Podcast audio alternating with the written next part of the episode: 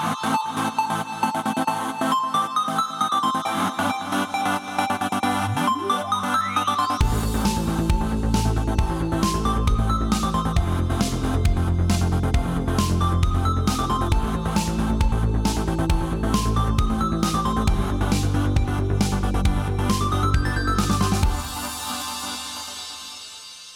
Hallå där och välkomna till Nördliv, en osensurerad, oklippt och fantastiskt nördig podcast om spel och allt möjligt. Idag är det den nionde i fjärde när vi spelar in det här 2022 och eh, jag heter Fredrik och med mig har vi Danny och Matte. Eller Ja. Gillar ni äppelpaj? Sure. Ja. Finns det någon paj man inte gillar? Körsbärspaj tänker jag initialt.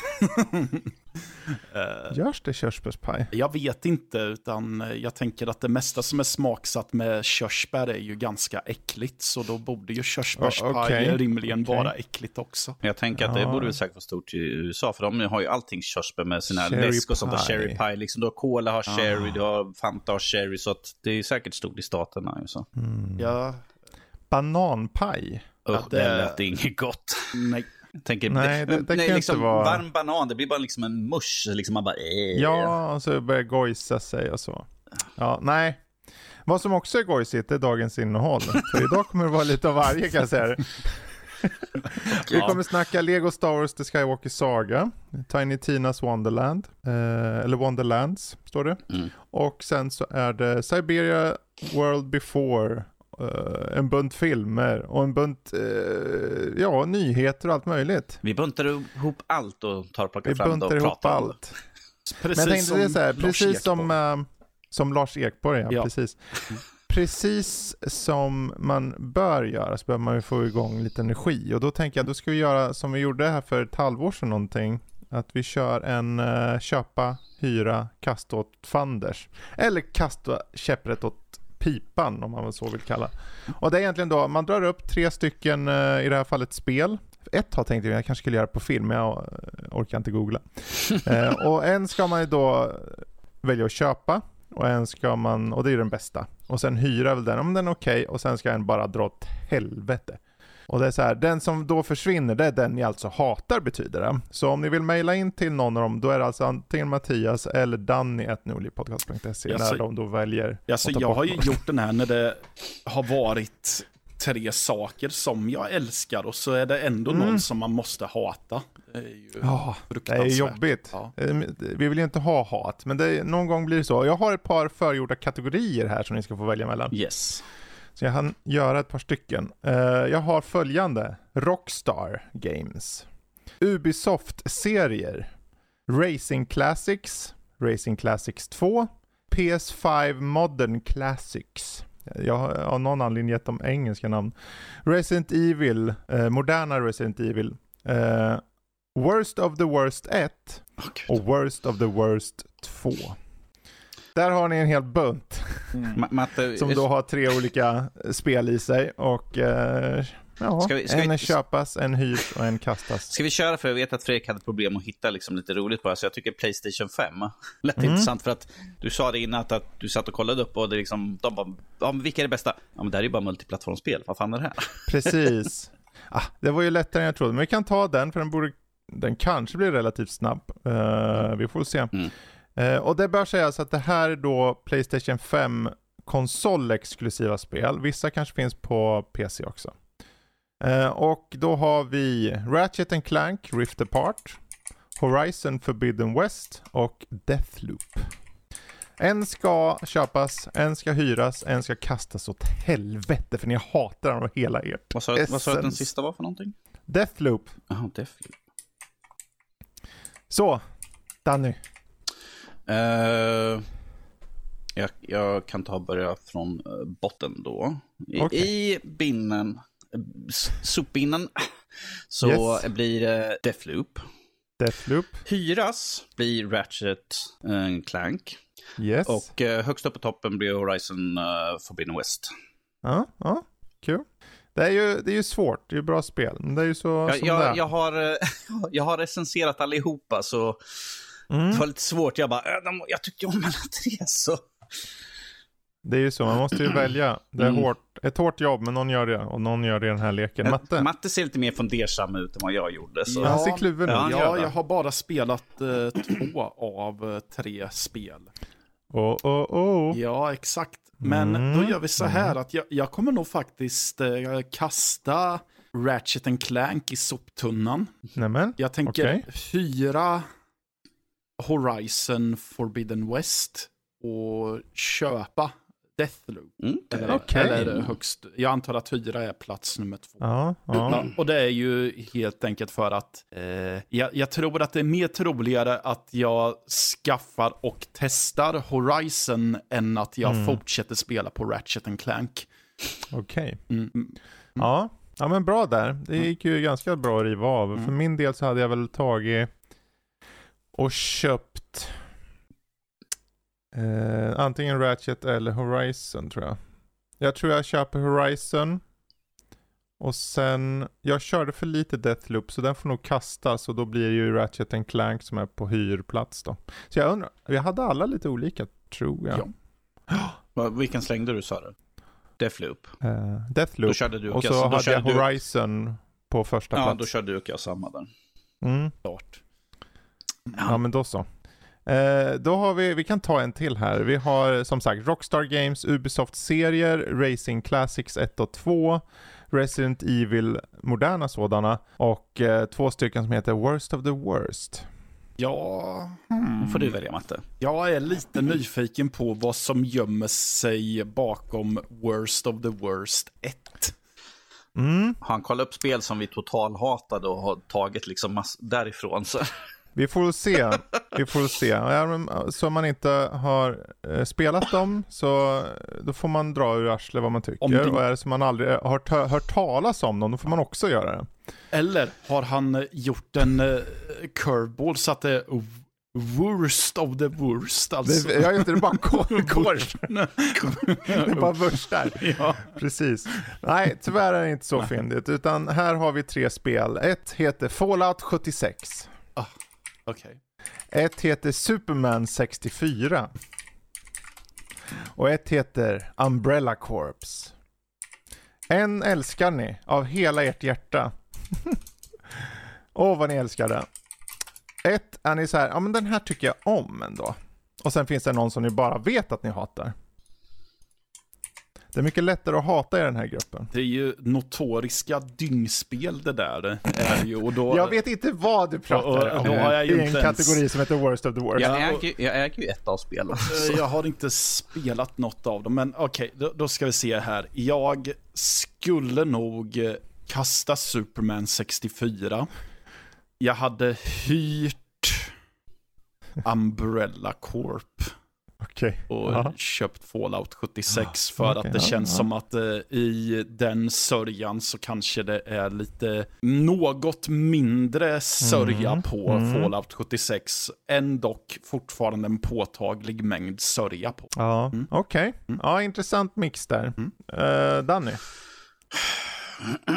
Ja, längst bak blir enkelt. Det blir Superman 64. Finns ingen redeeming quality överhuvudtaget för det här spelet. Så det är absolut sämsta styrningen och eh, finns en anledning varför jag aldrig har sett något mer Stålmannen-spel. För att det här sa till dem att det är inte värt det.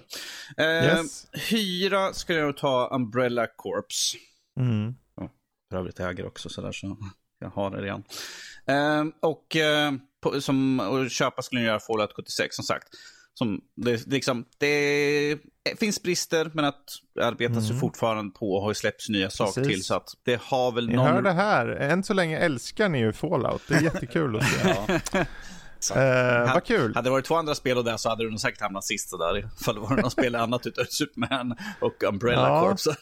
Men eh, vad bra. För min del. Jag, jag tror jag slänger Umbrella Corps. För den testade jag, det var verkligen bajs.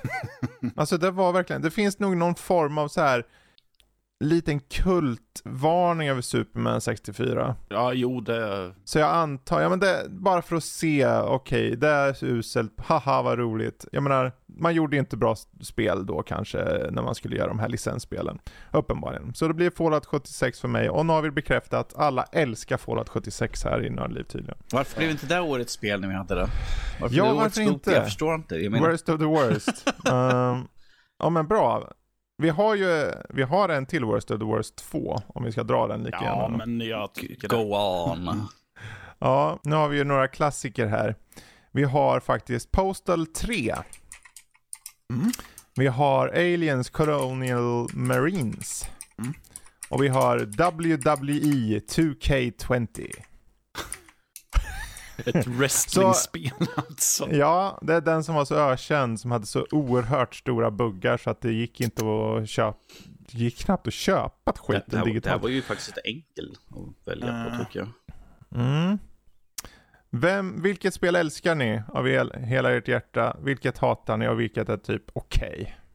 Matte verkar ha svårast, så han börjar vi med. Ja, um, vilket var det förutom Alien och uh, wrestling. Postal 3. Eh, Postal 3. Postal 3. Okej, okay. nej men jag... Jag tror jag kastar wrestling-spelet. Ja. Så tror jag att jag hyr Postal 3. Och så tror jag att jag köper uh, Alien. För att jag, det, det, det, har säkert en redeeming quality om man spelade med goda vänner. För jag för mig om Precis. att det har co-op. Mm. Exakt så. Mm. Norsk? Jag håller med Matte där, att wrestling åker mm. i sopen, Postal 3 hya, då behöver jag inte ha det kvar allt för länge i huset när jag tröttnar på det. uh, och Alien Colonial Marine som jag äger Collector's Edition till och hade jättekul när jag körde med brorsan. Co-op är faktiskt kul. Köra själv, inte lika så. Det är på grund av att de hade en, en fel i koden som inte går att fixa på konsolversioner, vilket jag äger den till. På PC kan man modda själv så att Aliens blir fungerande och inte liksom total... Uh, vad är det Matte brukar använda förut? Uh, blötmongon, eller vad är det för någonting?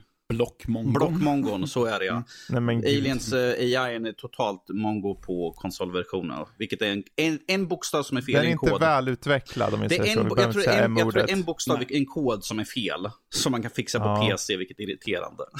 Ja, så den är ospelbar på konsol alltså säger du? Nej, nej, nej. Alltså det är att Aliens AI inte fungerar riktigt som den ska.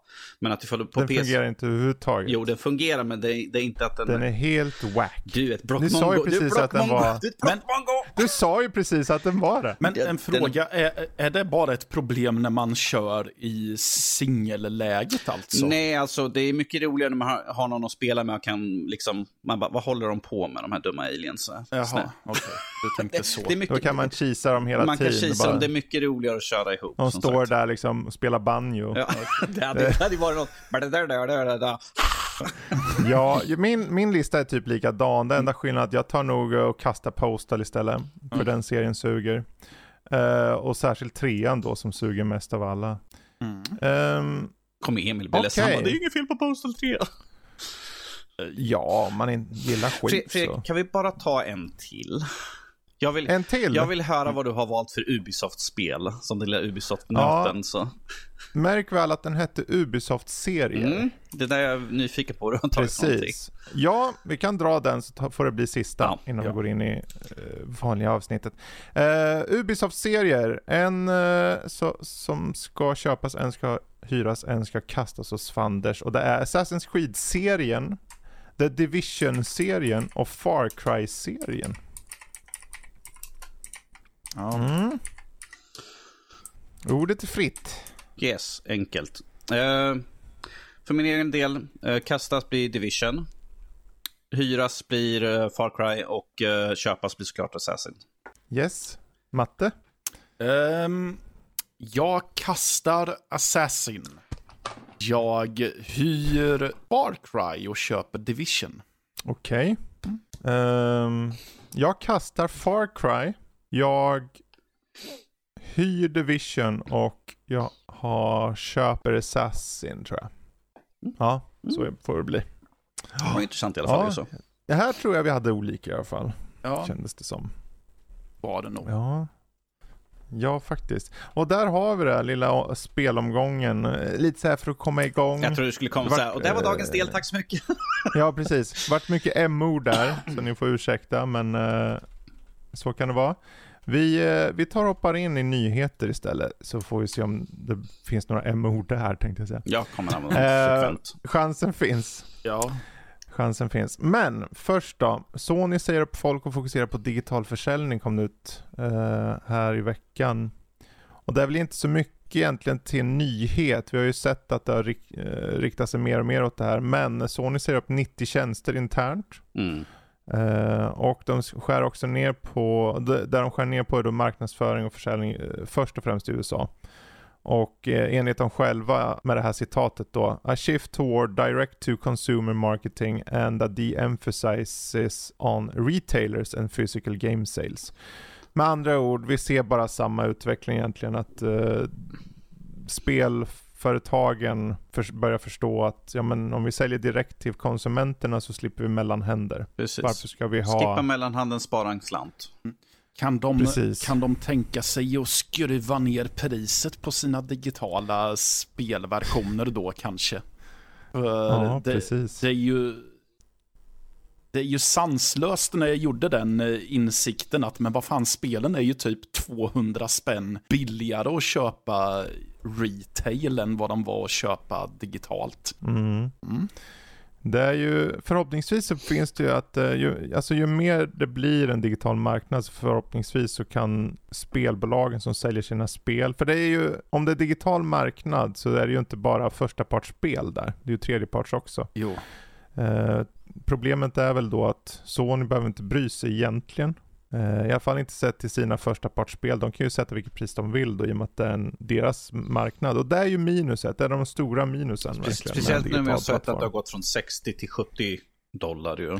Ja, men där har de åtminstone varit väldigt tydliga med att de skulle göra en ökning. Mm. Och vi har ju inte jo, jo, sett en ökning på 20-30 år typ. Nej. Så det, det, det är klart det är en dyrare med en hundring, men det är ju inte som att vi blöder när vi betalar så, känner jag. Nej, Hur ofta köper man?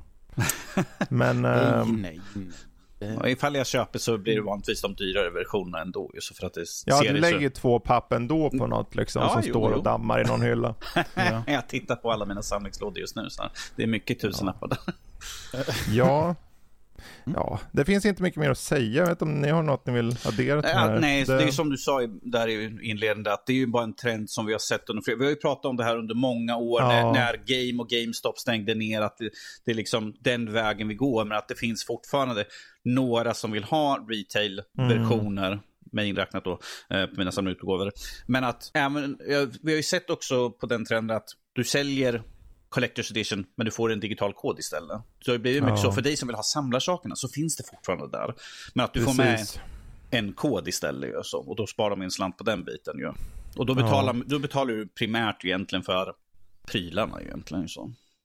Ja men så är det ju och sen är det ju också, det går lite hand i hand med att de precis, precis utannonserar en uh, utveckling av sin Playstation Plus-tjänst mm. där de adderar delar där du får stor bibliotek av gamla titlar och en del PS5-titlar ska också komma. Så jag tänker, det är också ett sätt ja. att uh, få folk att gå in, antar jag. Men vi får väl se, det är ju bara att följa det här längre fram och se om det blir bättre eller sämre på priserna.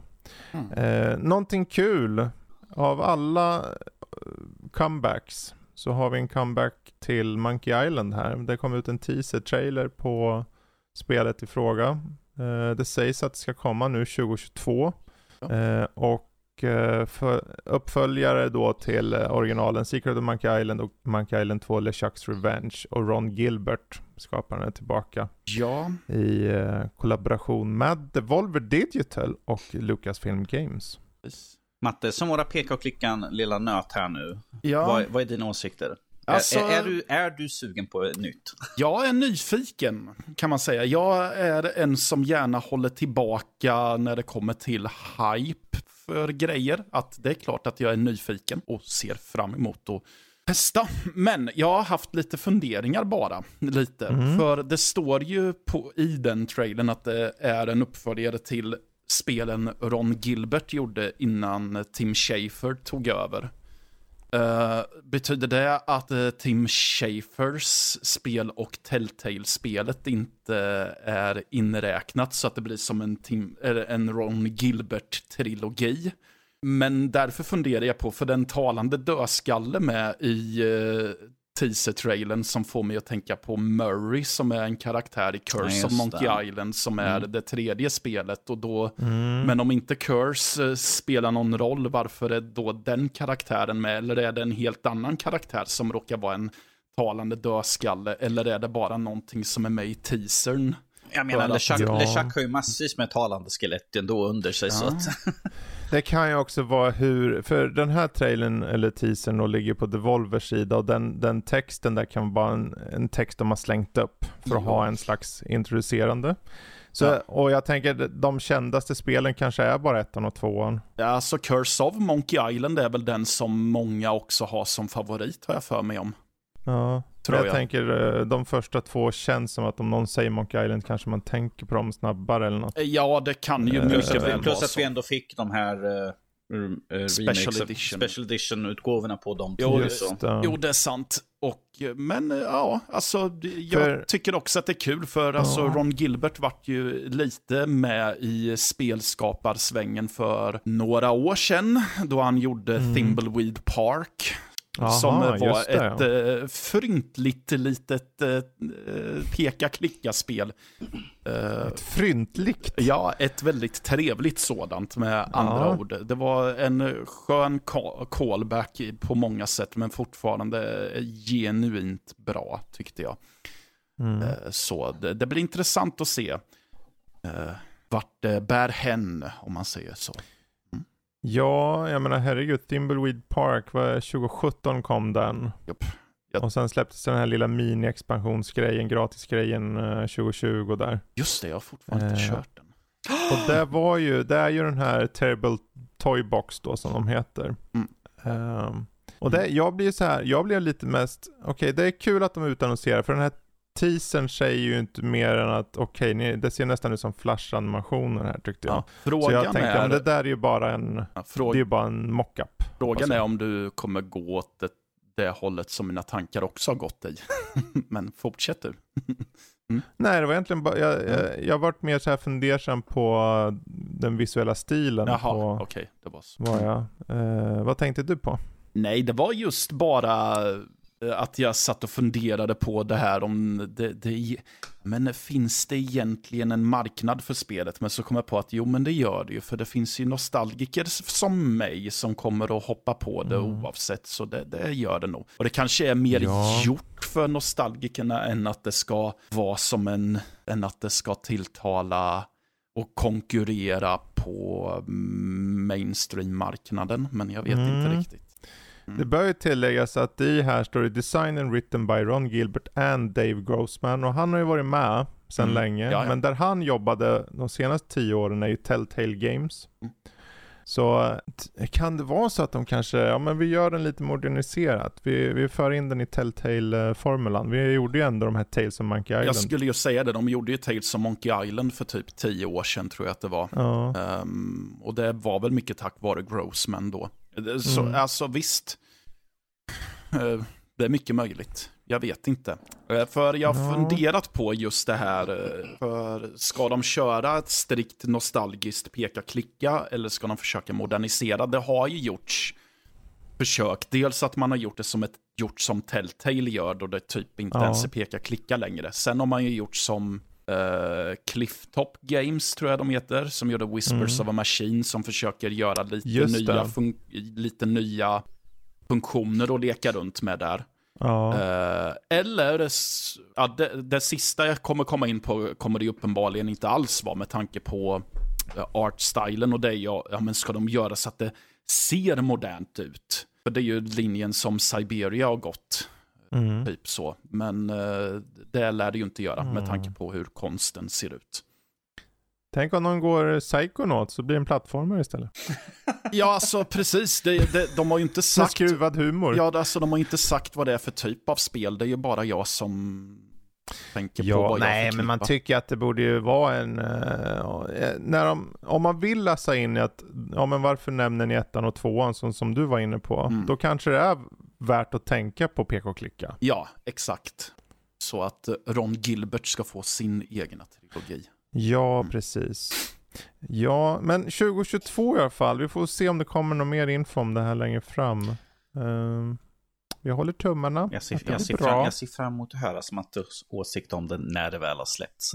Absolut. Ja, eller om man bestämmer att eh, Mattias är förfärgad av Monkey Islands historia. Vi sätter det på eh, Jesper eller någon istället. Jag, menar, jag menar inte recensionssyfte, jag menar bara rent allmänt din, din åsikt Ja. om spelet. Ja, som jaha, en stor du- fan av ja. peka och klicka-genren ju. Så. Du menar så? Ja, men då, Mm. då, är jag med. Därför jag sa om din åsikt, inte liksom dina tankar i, i skriven form. Så. Ja, ja. Ja, ja, Precis, men eh, bra. Vi hoppar vidare till något annat overkligt här. The Unreal Engine 5-presentationen som visades upp. Um, var det overkligt bra Danny? Du som sett den? Jag har sett Keynoten. den här keynote. Ah, det var väldigt intressant. Det, visst, det var ju uppvisning av massvis hur uh, Unreal Engine 5, hur det väl den presterade. Det är lite av en sales pitch också för eh, nytt folk att ta sig in. De visar upp deras bibliotek, alla deras texturer, hur enkelt. Så de visar till exempel upp den här eh, The Matrix Experience. Eh, där de visar Mm. upp att de hade ju inte byggt staden för hand och satt upp varje hus, utan de hade ju en sån här grej som genererade hus och hur enkelt de gjorde det. Så de hade ju en liten uppvisning på det också. Och eh, allt med ljussättning, reflektioner, alltså, eh, hur olika, uh, olika materia och reflektioner och sånt där, hur det har förbättrats under de senaste iterationerna. Det var väldigt intressant att se den här, så uh, kan ju varmt rekommendera den eh, och kolla på den. Det är på deras egna Unreal Engine på YouTube så har de uh, Keynote presentation. Men jag, som sagt, det var väldigt, väldigt intressant och för den som inte har programmerat någonting, jag tittar på det och tänkte så här att fan, det är nästan så att jag kan hoppa in i en motor och liksom bygga upp en stad och sånt där. För att de har väldigt mycket saker det, som redan finns förgjort. Eh, de har i deras store att ifall du skapar någonting kan du själv lägga upp det så att andra kan få till eh, använda det också. De har en ny sak så att du kan scanna in objekt själv på mobil istället för att ha en högupplöst kamera. Och så läser de in objektet och sen kan du bara slänga upp den på typ eh, storefront eller liksom visa upp att det här har jag gjort. Så det är väldigt enkelt. Bygga områden eh, som man såg i första presentationen tror jag det var att de, det är liksom ökenlandskap så har de liksom bara, ja men den här klippan, ja men vi flyttar upp den lite grann. Du tar bara liksom drag, dr- eh, drop and drag liksom saker, flyttar runt och det liksom automatiskt passar in. Så att det är hemskt intressant alltså och hur kraftfull Ja. den här nya motorn verkar vara ju. Precis, och det är ju, jag menar vi fick ju en hel del av den här infon då när den utannonserades, men nu det- med den här keynoten så det blivit lite mer fylligt och det är kul att se, för jag tror det är ett par, det är ett par grejer man ska ta ifrån det här. Eh, det här är ju förvisso något som har tagits upp tidigare, men eh, och jag tror det får se, det blir, säg att det är fyra eller fem grejer specifikt. Ett, Lumen. Mm. Det är deras det är Global Illumination och det betyder bara att när, det är ju raytracing mer eller mindre. Det vill säga det kommer strålar in från ett fönster. I en, du brukar ju baka in ljus i vanliga spel. Det vill säga okej, här gör vi ett ljus och så placerar vi som att det ser ut som att det finns ett ljus. Men egentligen är det bara att vi har gjort en ljusmarkerad, eh, vad heter det, en textur på golvet så Mm. att det ser ut som ett ljus.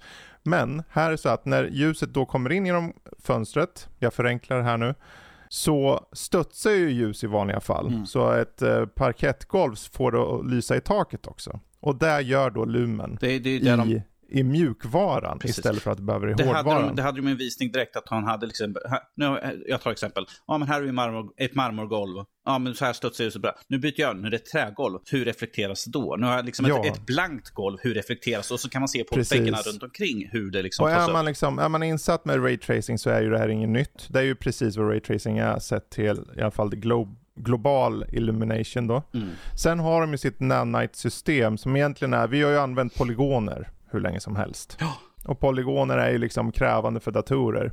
Så vad nanite gör egentligen, det bryter upp de här polygonerna på ett helt annat sätt. Så att eh, när då du zoomar in på objekt så blir det mer detaljerade po- polygoner och på långt håll så använder den inte alls lika mycket polygoner. Eh, i, I regel har vi haft, i, vår, i det gamla sättet så har vi något som heter LOD.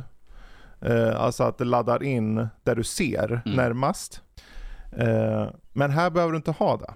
Och du, du, du får konstant inflödet av de här polygonerna på ett helt annat sätt.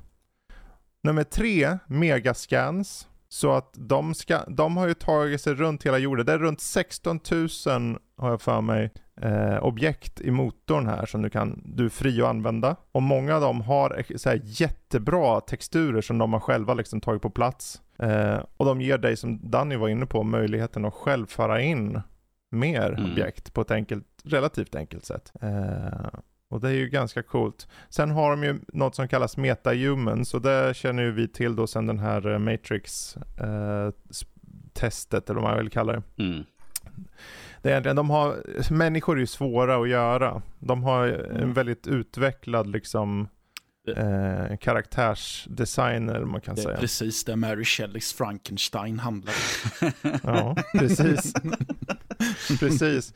Och sen slutligen egentligen, det är inte så mycket att Unreal Engine 5 indirekt, det är snarare att den är så pass lätt att hantera att du kan föra in Unreal Engine 4 saker i den.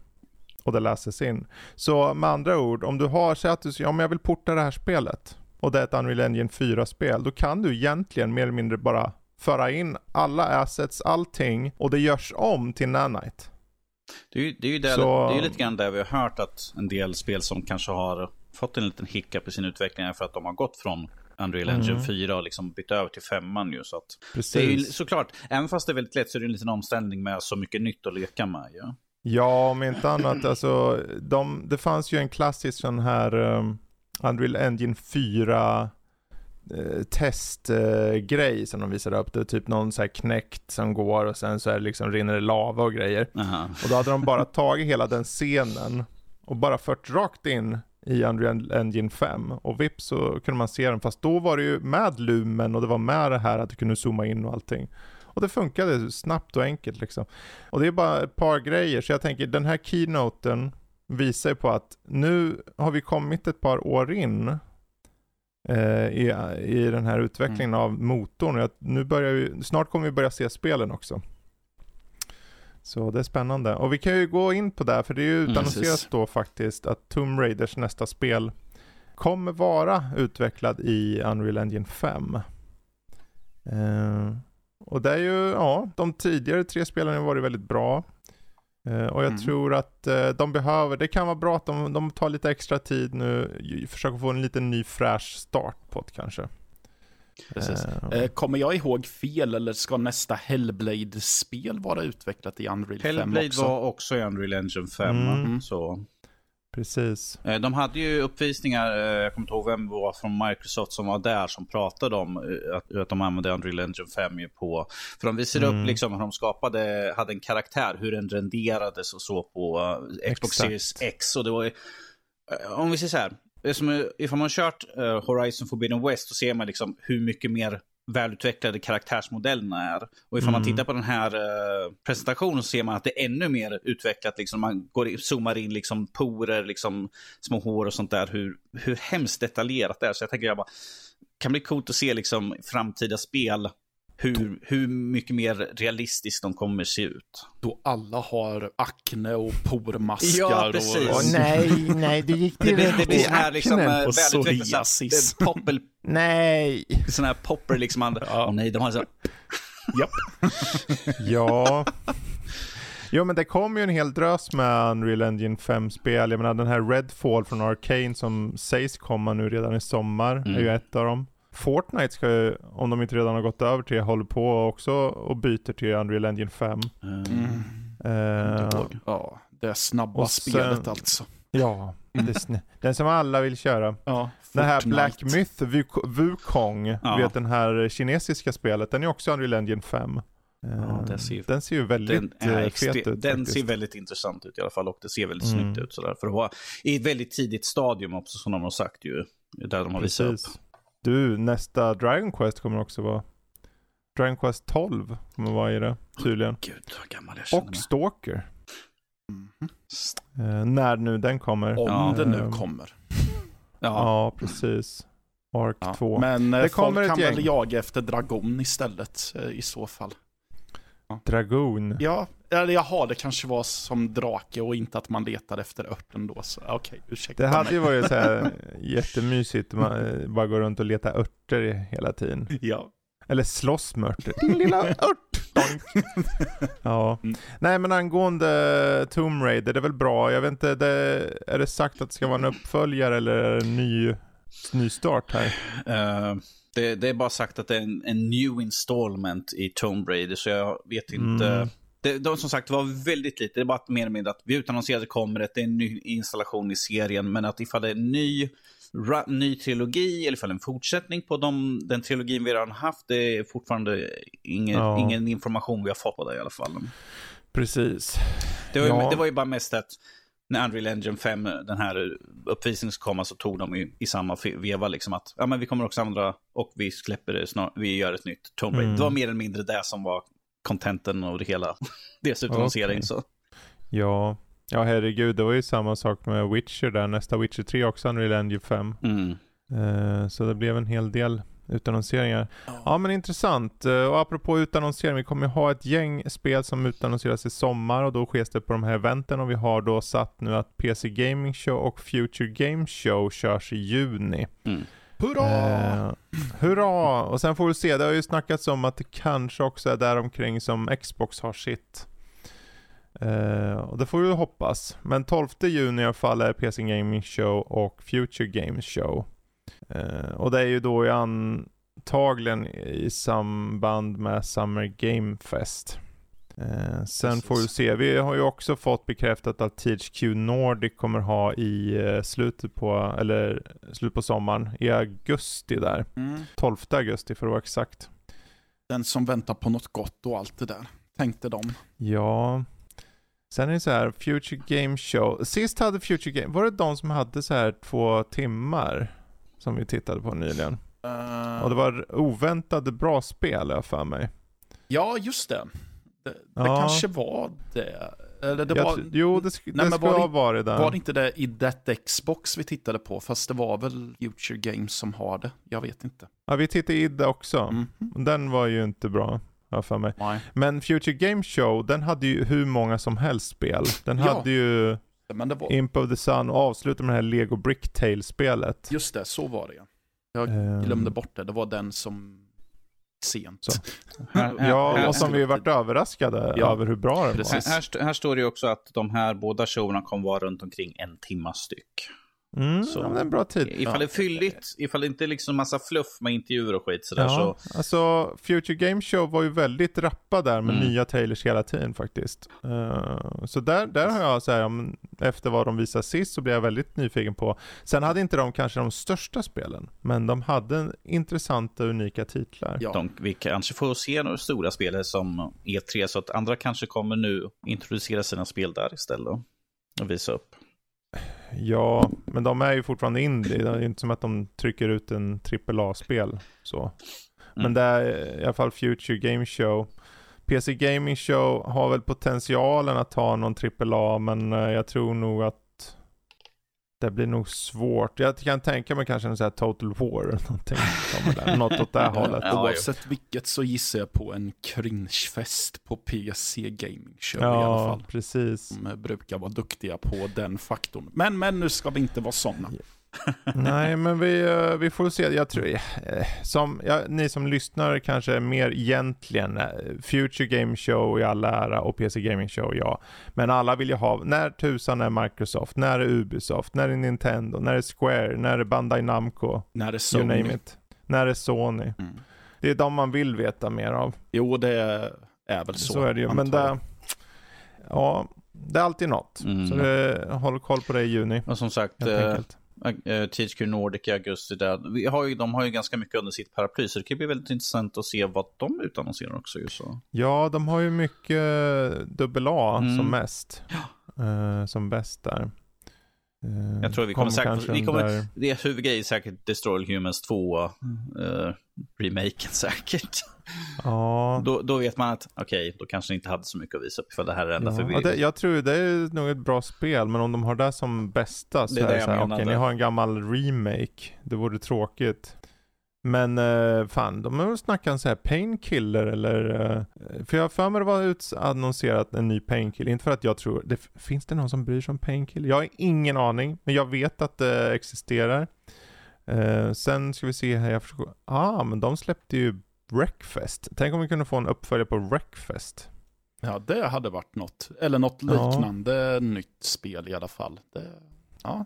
Ja, vad, fan, vad gör Bugbear? De gör, gjorde ju Wreckfest 2019 ja, och det är ju tre år sedan. De har gjort lite uppdateringar till Wreckfest. 2018 kom den till och med. Ja, de har gjort. Eh, så, det har ju, ja. det är ju en community som kör Wreckfest har jag märkt. Ja. Kan jag hoppas på att så. vi kanske får ett nytt Darkside, utannonsera ett nytt Darksider-spel. Som är bra. Mm. Till och med. Mm. Ja. Eh, vore ju nice. Ja men det är ju en IP och jag tror det är ju bara en tidsfråga känns det som. Ja, som vi fick ju den här uh, lilla uh, spin-offen, den här isometriska uh, Ja just Dark det, Genesis ja. vad den hette som jag, ja, som jag, som jag recenserade. Det var ju intressant att ha, få en liten break från de vanliga spelen. Men jag vill gärna ja. se fler på fortsättningen i huvudstoryn ju så. Ja, för all del. Men vi kommer väl säkert få se mer SpongeBob och sånt där. Så. Ja, det säljer ju säkert. Ja, det gör ju det. um, men uh, ja, de eventen kommer. Så är det med det. Vi hoppar vidare. Vi har ju en utannonsering här som jag tyckte var lite kul. Remedy och Rockstar Games utannonserar Max Payne 2 och 1 Remake för PC, PS5 och Xbox Series 6. Och jag säger okej. Okay. De säger remake. Mm. Ja. Där och att de har med Remedy samtidigt som Rockstar är också intressant. Um, det här är ändå nästan 20 år gamla spel. Ja. ja, det var ju något, det är ju lite kul för det var, jag tror att det var i början av året så var det något jubileum för uh, ja. just Max Payne och då gjorde de ju en grej att han, uh, den där Remedy-snubben tog på sig ja, gamla... Ja, precis. Han tog på sig gamla jackan och så hade de precis. snubben som gör voice-overn till Max. Som, så ja. gjorde de en liten video där. ja, kul. och jag mm. menar vi har ju fått utannonseringen av Alan Wake 2 och eh, som det är sagt här så ser det ut som att de kommer använda sig av Northlight-motorn och det är samma motor som använder Control. Mm. Och den motorn är fet alltså. Den är väldigt Sen är det så här, jag, man blir lite färgad för det enda jag vet är ju Control. Eh, som jag har spelat. Och där är det ju väldigt, väldigt så här eh, bisarrt och härligt på något sätt. Bra beskrivning David Lynch-aktigt. Men det är ju liksom, det är en ton de har valt att göra i sin speldesign. Så det behöver inte vara en återspegling av hur motorn är. Men jag, jag tänker den kommer nog passa bra där. Jag är bara glad att se att Remedy gör något med Rockstar. För vad kan det leda till? Stordåd. Ja, Potentiellt. jag vill ju se en, eh, en Max, Payne, Max Payne 4 eller mm. någon reboot eller någonting där de faktiskt får vara med och göra spelet. Så inte Rockstar in och försöker göra ja, precis, de, ett spel själva. Precis, de använder ju ordet remake här, men tänk om den kanske tjänar syfte lika mycket som en reboot kanske. Ja, ja precis. Ja, att de kanske tänker att de gör allt i ett ungefär. Ja, det vore ju, hmm, det vore intressant. Ja, men alltså jag tänker om man ändå ska, vad det kanske låter som i så fall, om båda utvecklarna är med, att man tänker att vi gör en omarbetning eh, mm. ganska grundligt, då kan man väl lika gärna reboota också, tänker jag. Precis. Mm. Jag tycker det är kul bara att läsa här att, eh, i alla fall sägs det här i artikeln, det behöver inte kanske vara så i verkligheten, men det står i alla fall att eh, eh Remedy kontaktar Rockstar. Och att de var intresserade av att göra remake så de kontaktade då Sam Houser på Rockstar. Och eh, han, var, han var, enligt han själv i alla fall, i den här artikeln, att han var åh, i eld och lågor, det är klart vi måste göra någonting. eh, ja, men det, är ju för, det har ju gått ganska bra för Remedy på sistone, så nu är de ju ett namn som betyder något känner jag. Det gick ju ner ett tag där. Även om jag tycker om Quantum Break, så vet jag att det gick ju ner med det spelet. Mm. Mycket. Um, men det är just då, för, fan, nya, jag vill ha en ny Max Payne. Men det är så här, är det en, värt en, att göra nytt en Max ny Payne Max, kanske egentligen? Max Payne som inte är som Max Payne 3 som gick så långt ifrån. Det var ingen noir, det var ingenting som, det var ingenting som ja. gjorde för ettan och tvåan speciellt mer eller mindre. Ja, det var ju noir i början. Ja, i början. Det var ju samma sen, spel sen i början. I... Men... Resten av spelet så tycker sen jag åkte de till Sydamerika ja. eller vad tusan det var Och då är det liksom, vi skjuter bara en massa så då, ja.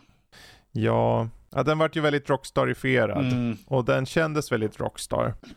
Eh, och jag kan tycka ändå att jag hade kul när jag spelade, men det var ingen, där som Max Payne hade var ju att den var så, det dröp verkligen noir och det var så melankoliskt och det var så, ja, ödesmättat i tonen tyckte Jag jag. tycker, jag tycker det bara ska bli väldigt intressant att se när vi får någon, någon klipp eller uppvisning Ja. av eh, ettan och tvåans remake här nu. Och se Precis. ifall känslan finns kvar. Ja. Ja, de kommer, om Remedy är med i mixen så tror jag på att mer faktiskt. Sen är det såklart, vi kommer, måste ju vänta på Alan Wake 2 först och sen då, och Alan Wake 2 är ett par år ifrån. Så det är, det är ingen idé att sitta och hålla andan här inte, utan vi, det är nog en 3, 4, 5 år kanske. Kanske jag hinner spela första Alan Wake i så fall. Ja, jo. Ja, du kan hoppa Alan Wake och gå direkt till Max Payne-remaken bara. Jaha. Men Nej, i väntan på kör det menade jag ju såklart din... eh, Alan- Kör om Max Payne kan 1 och 2 istället. Ja, men det gjorde jag för en... Jag körde om första spelet för några år sedan. Jaha. Eller jag ämnade För- att göra hur- det. Du Okej. ämnade, men gjorde du det? Äh, äh, Hur är det att köra om dem nu? ehm, ja, det var ett fel jag gjorde, måste jag ju då säga. Okej. Mm. Jag fick för mig om att köra om dem på PS2 och det... Ja. Eller om det Jaha. var Playstation 3 eller något sånt. Var, jag körde om det på konsol Okej. Mm, mm. och det var inte riktigt vad jag var van vid upptäckte jag ganska snabbt. Jag eh, dog väldigt lätt för att jag tyckte att det var så stelt och så då. Ja, ja, ja. Eh, Så jag har inte kört det på PC på en evighet. Nej. Ja. Hmm. Men eh, det blir kul när det väl sker. Vi får se när det kommer någon mer info. Eh, vad som också fått mer info är till exempel att eh, Sherlock Holmes ser ut att få ett eget tv-universum. Det ska komma en eh, tv-serie som är mer av en spin-off. Eh, Downey Jr är med och producerar. Det finns ingenting som säger att han är med, med i det här utan att det har snackats mer om att det ska bli en spin-off på en icke utannonserad karaktär i tredje filmen som kommer. Förhoppningsvis kommer i alla fall. Och det är HBO Max. Eh, ja, det kanske blir av. Jag menar, lite med Sherlock är ju aldrig fel, så att säga. Även, okej, även fast vi kanske inte får Robert Downey Jr. Sherlock så tycker jag det ska bli intressant. För eh, Sherlock har vi inte fått, eh, den andra tv-serien Sherlock har vi inte fått någonting direkt Alltså den kommer ju inte handla om Sherlock Holmes. Nej, nej, nej, men jag menar att Sherlocks universumet. För att vi hade ju Ja. Sherlock-serien med eh, Benedict, Benedict Cumberbatch. Cumberbatch. Som fortfarande, vi har inte fått någon fortsättning på det. Vi fick de här två Mm. filmerna. Det ska komma en tredje film också. Eh, och nu en, TV, en spin-off tv-serie. Så jag tycker det ska bli intressant. Eh, jag tycker om Sherlock Holmes och den världen. Uh, Mm. Speciellt tonen som de satte i de här filmerna också. Så hoppas jag kommer kunna föras in i tv-serien också. Ja, precis. Ja, det var ju Guy Ritchie-filmer det där. Ja. De Ja. hade ju en väldigt tydlig direction. Precis, plus att de har Lionel Wiggum som, är, som var producent på båda eh, Sherlock Holmes-filmerna är med också där. Så att det Ja, blir mer, lite mer connection där ju. Så det är mycket som Jag talar tänker- för att det blir i... mm. De vill i alla fall få det som att det är mycket som talar för att det kommer vara i samma stil. Mm. det är väl det där att då, utan Guy Ritchie, för det hans stil är ju väldigt hans stil. Ska Ja. någon efterapa hans stil då i en tv-serie? För jag, jag, det kan ju vara, ja, men HBO Max har ju slängt pengar på, på skådisar. Jag kommer inte ihåg hur mycket de har slängt pengar på att få in regissörer. Men det vore ju kul om man kunde kanske göra första avsnitten eller någonting. Mm. Ja, precis.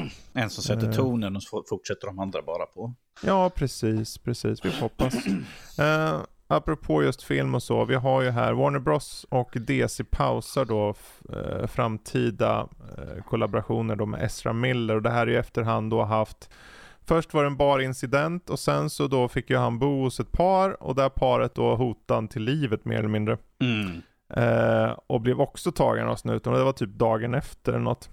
Och nu har han fått så här, vad heter det? Restraining någon order. Restraining order på sig. Eh, och det, han har haft, eh, det är mycket så här dis, disorderly conduct och harassment och grejer. Eh, och nu har det gett resultat här då att de pausar en eh, framtida eh, saker. Det kommer ju inte förändra de filmer som är in the can. Jag menar vi har Flash-filmen är ju redan klar sett till eh, eh, den är väl i post production till och med Precis, bara. och uh, Och Fantastiska Vindunder går ju på bio nu ju så att. Och där är han ju med Precis. också en av huvudrollerna. Ja, utan det är ju framtida då. Ja, det är ju, det är ju så här om man går runt och får någon så här meltdown så, så ger det resultat. Se bara på Will Smith som får tio års Japp. banning Ja. då från att tända Framförallt, Oscarsgalan. framförallt om man är en offentlig person som... Ja. gör det. Ja.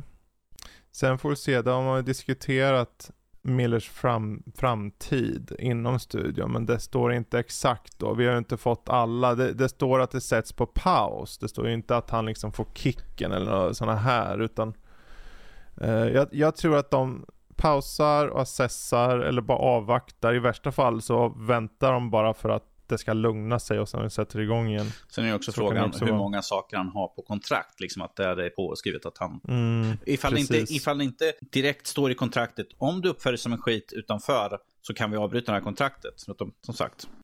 Ja, de har oft, oftast har de ju i kontrakt då att om du gör någonting som eh, sätter de projekt som du är med i på spel Mm. så behöver man böta i alla fall. Eh, Men böter är ju inget som är så jättefarligt kanske i hans situation utan det behöver ju vara större straff då egentligen. Mm. Men ja, det kommer säkert komma mer info om det där. Men eh, ja, läxan är var inte en skit. Precis. Ja, typ, Jag typ tycker det är så. intressant också, det här är en liten spin-off, så eftersom eh, Warner och eh, Discovery håller på att mergas just nu. Och eh, vad jag hörde så har de typ mer eller mindre alla på Warner Media har fått sparken. Chefen, alla hans som är där under. Så vi får ju se hur framtiden för, för Warner rent allmänt kommer vara och deras filmer och sånt ju. För att de byter ut helt Ja. alla eh, nästan som sitter i Warner Bros. Så, de, så du säger alltså att alla byts ut på Warner? Nästan alla, alltså CEO och alla Är det bekräftat alltså? Yes, det kom ut här under dagarna att, eh, att, okay. eh, som fan. att Discovery-chef, och heter han? Heter han? Är det Bezos? Eh, Nej, det är Amazon. det är det är Amazon. Amazon. Och, jag kommer inte ihåg vad han chefen. Men att han har, eh, vad jag har hört om honom är att han är en som vill ta, plocka bort allt som är onödigt. Och han har sparkat Mm. mer eller mindre. De trodde ju att han, chefen på Warner, skulle sitta kvar. Men han åkte ut dagen efter.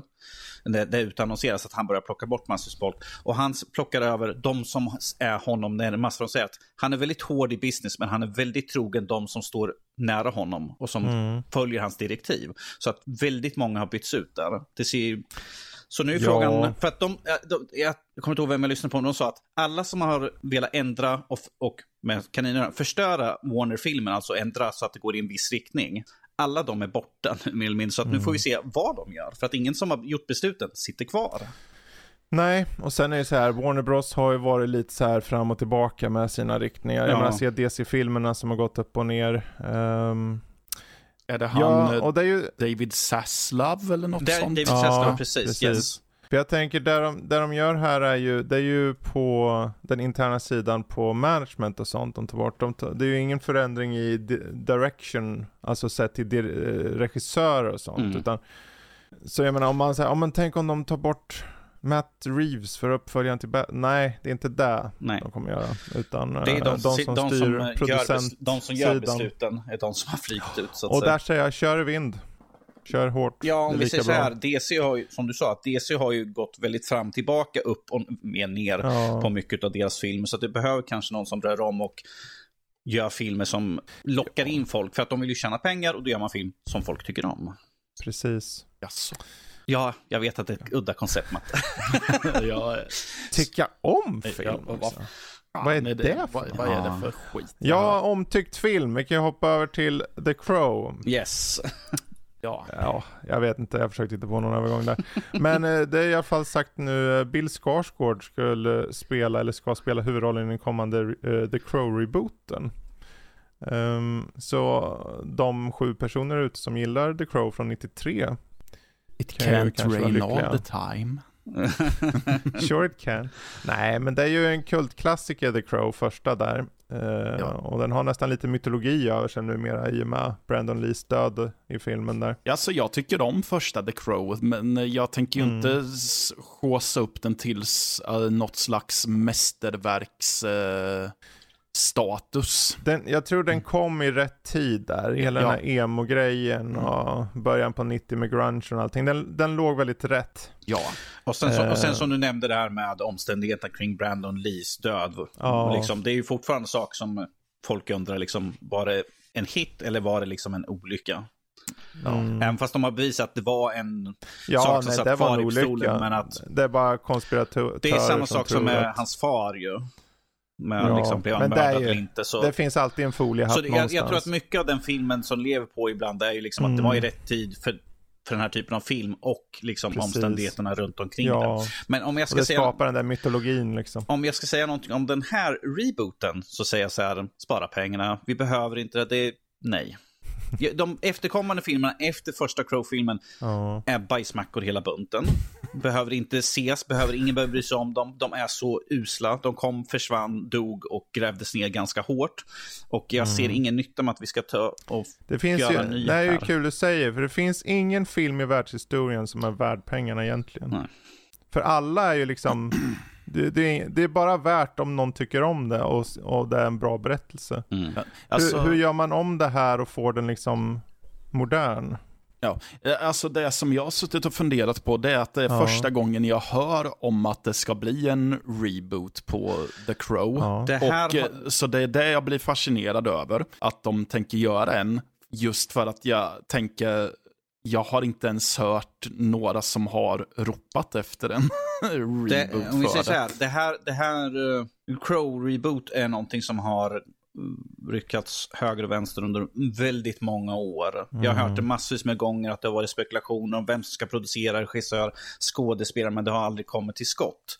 Så att de nu verkligen kommer till att det blir en film eh, tycker jag är mest otroligt, för att det är så många gånger jag har hört om att ah, men nu är det Crow-reboot igen och det är en ny, en ny Crow-film. Liksom. Jag bara, okej, ja, men jag har hört det så många gånger och nu kanske vi får det, men att jag är Ja. inte Sen sugen. är det så här, inget, inget sånt här sker bara i ett vakuum. Nej. Utan det, de, det är klart att om de, om de tar reda på att det finns ett intresse, då gör de en film på det. Jo, jo, det är väl så.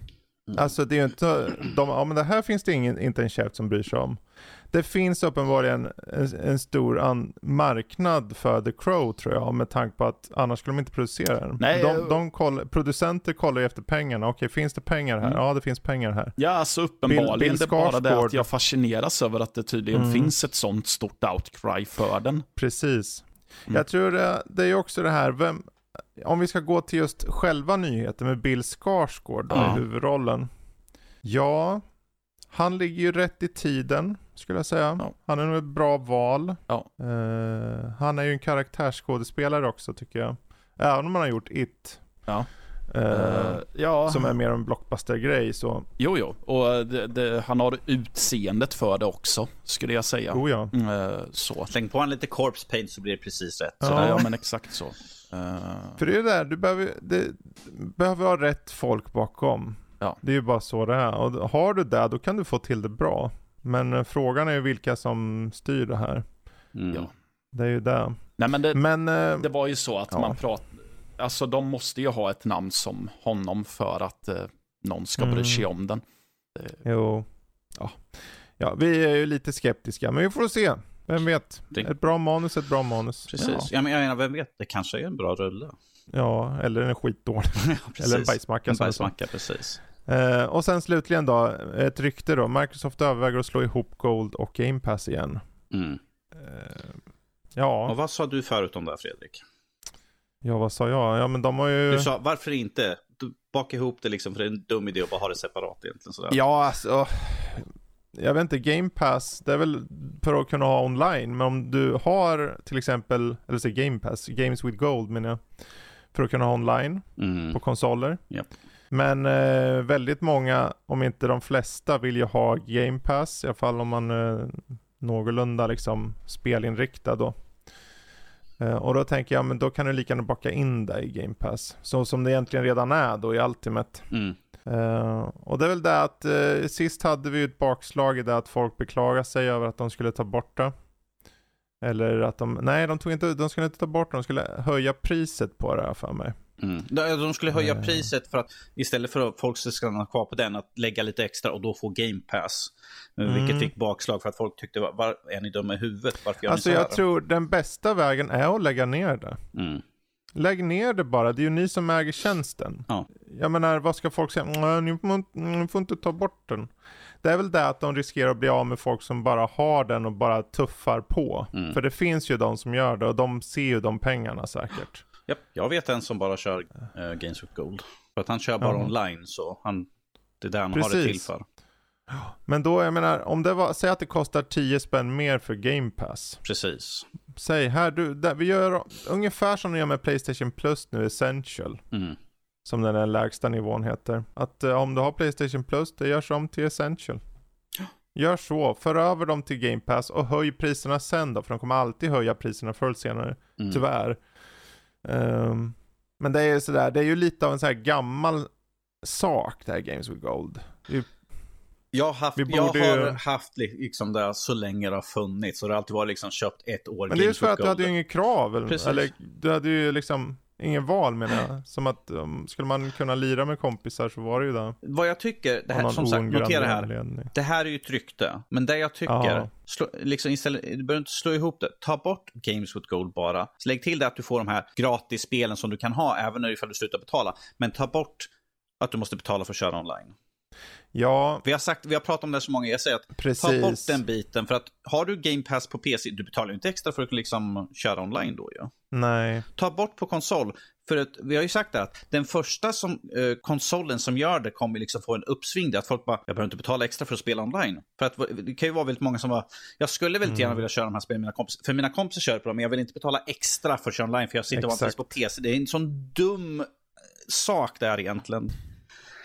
Så bort med den här gold-biten. Du får massvis med spel ifall du har Game Pass. Ifall du vill ha de där två, mm. två till fyra extra spelen per månad som, som du lägger till ditt bibliotek så att säga. Fine, baka in det, men ta bort själva konceptet av gold-biten ja, där med online-betalning. Jag tänker också, eh, jag tror merparten inte spelar de spelen. Alltså, Merparten av alla de som har Games with Gold spelar inte de där spelen de får. Ja, de bara adderar dem. Ja, du kommer säga att du alltid adderar spelen, jag vet. Jag vet. Men det, det är liksom så här, den där, det enda ni behöver göra, ta bort Games with Gold och för in den, precis som du säger Danny, i Game Pass. Mm. Om man nu mot förmodan vill ha spel. Och sen, ni som inte har det, ni får, ni får tillgång till spel online. Och de har redan släppt spel som inte kräver Games with Gold. Mm. Så att eh, de har redan varit där och sniffat liksom. Ska bara kolla upp en sak. Sniffat, precis som eh, Matte gör på torsdagar. Ja, Han då sniffar jag väldigt mycket. grundligt. Ska vi se här. Grundligt sniff. Grundligt sniff. Ja. Här har vi liksom bara lite pris. Games with Gold, en månad, det är 63 kronor medan du betalar uh, för Ultimate är det då 135 kronor mm. ju så. Eller om du sitter på PC är det 99 va? Ja. Ja.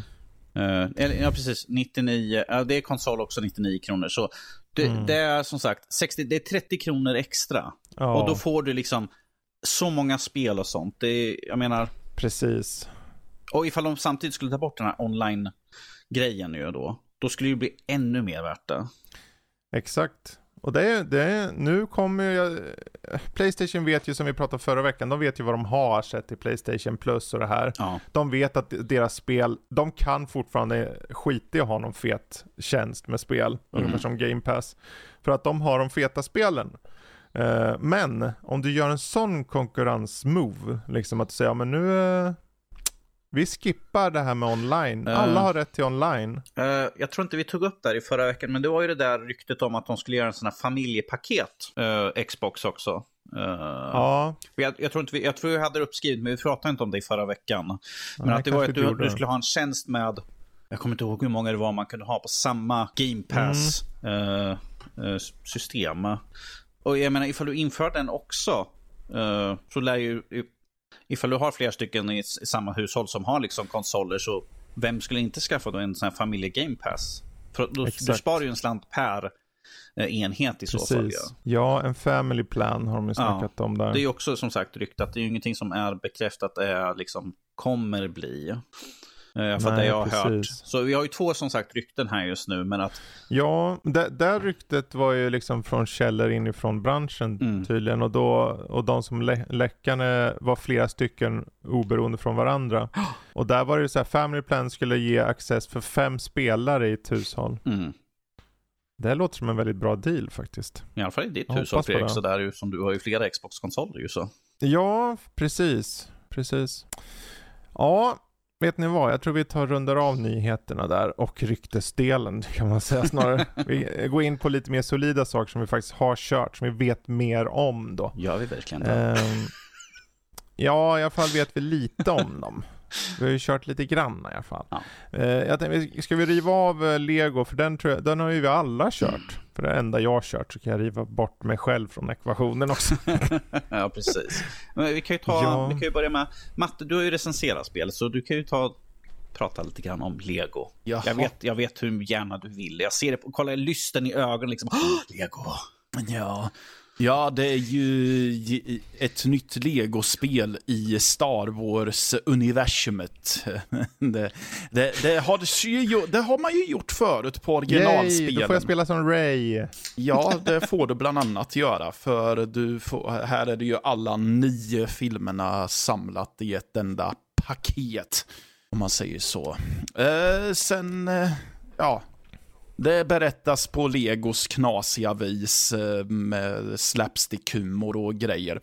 Eh, och nytt för spelen är ju att man har förskjutit perspektivet så att det är som ett det, det är en tredjepersonsvy mer, alltså mer som det är i 3D actionspel, att du eh, Kameran är placerad typ bakom ryggen för det mesta på karaktären, men du kan också Ja. snurra runt kameran och så. Och sen så har de försökt att öppna upp världarna lite så att du behöver inte bara springa till storypunkt A eller B, utan du kan springa till höger och leta efter saker i grottor och skit också, om du känner för det.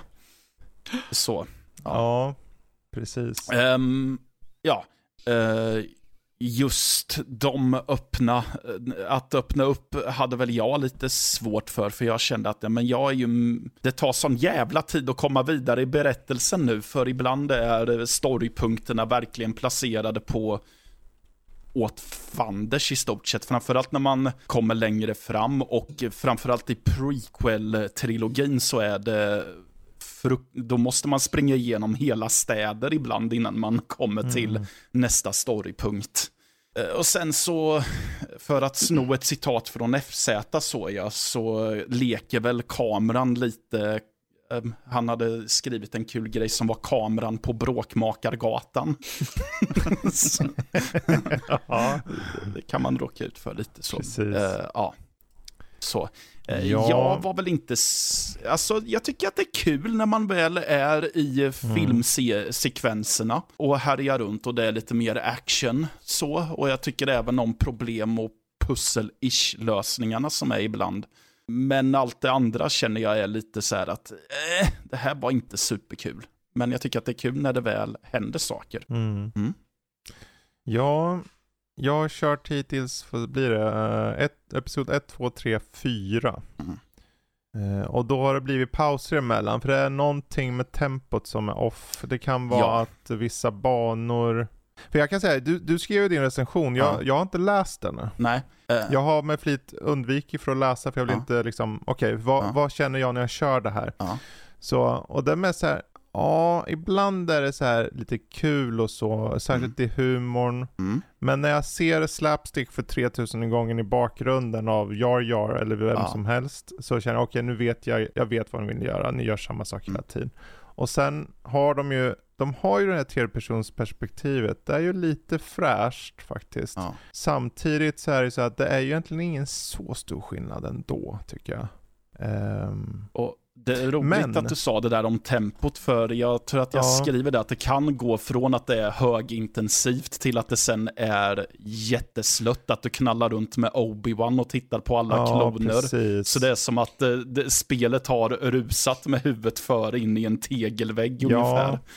Och du slår ju sönder allting som vanligt. Ja. Däremot, när jag satt och spelat så tänkte jag bara, okej men vem är spelet för då? Mm. För den största publiken är ju för ungar. Och Ja. där, där funkar den ju väldigt bra tror jag. Ja, För I ibland guess. är det så här mycket som händer, du kan Mm. slå sönder allt i världen, Mm. pusslen är ganska lätta, du kommer hela tiden vidare. Mm.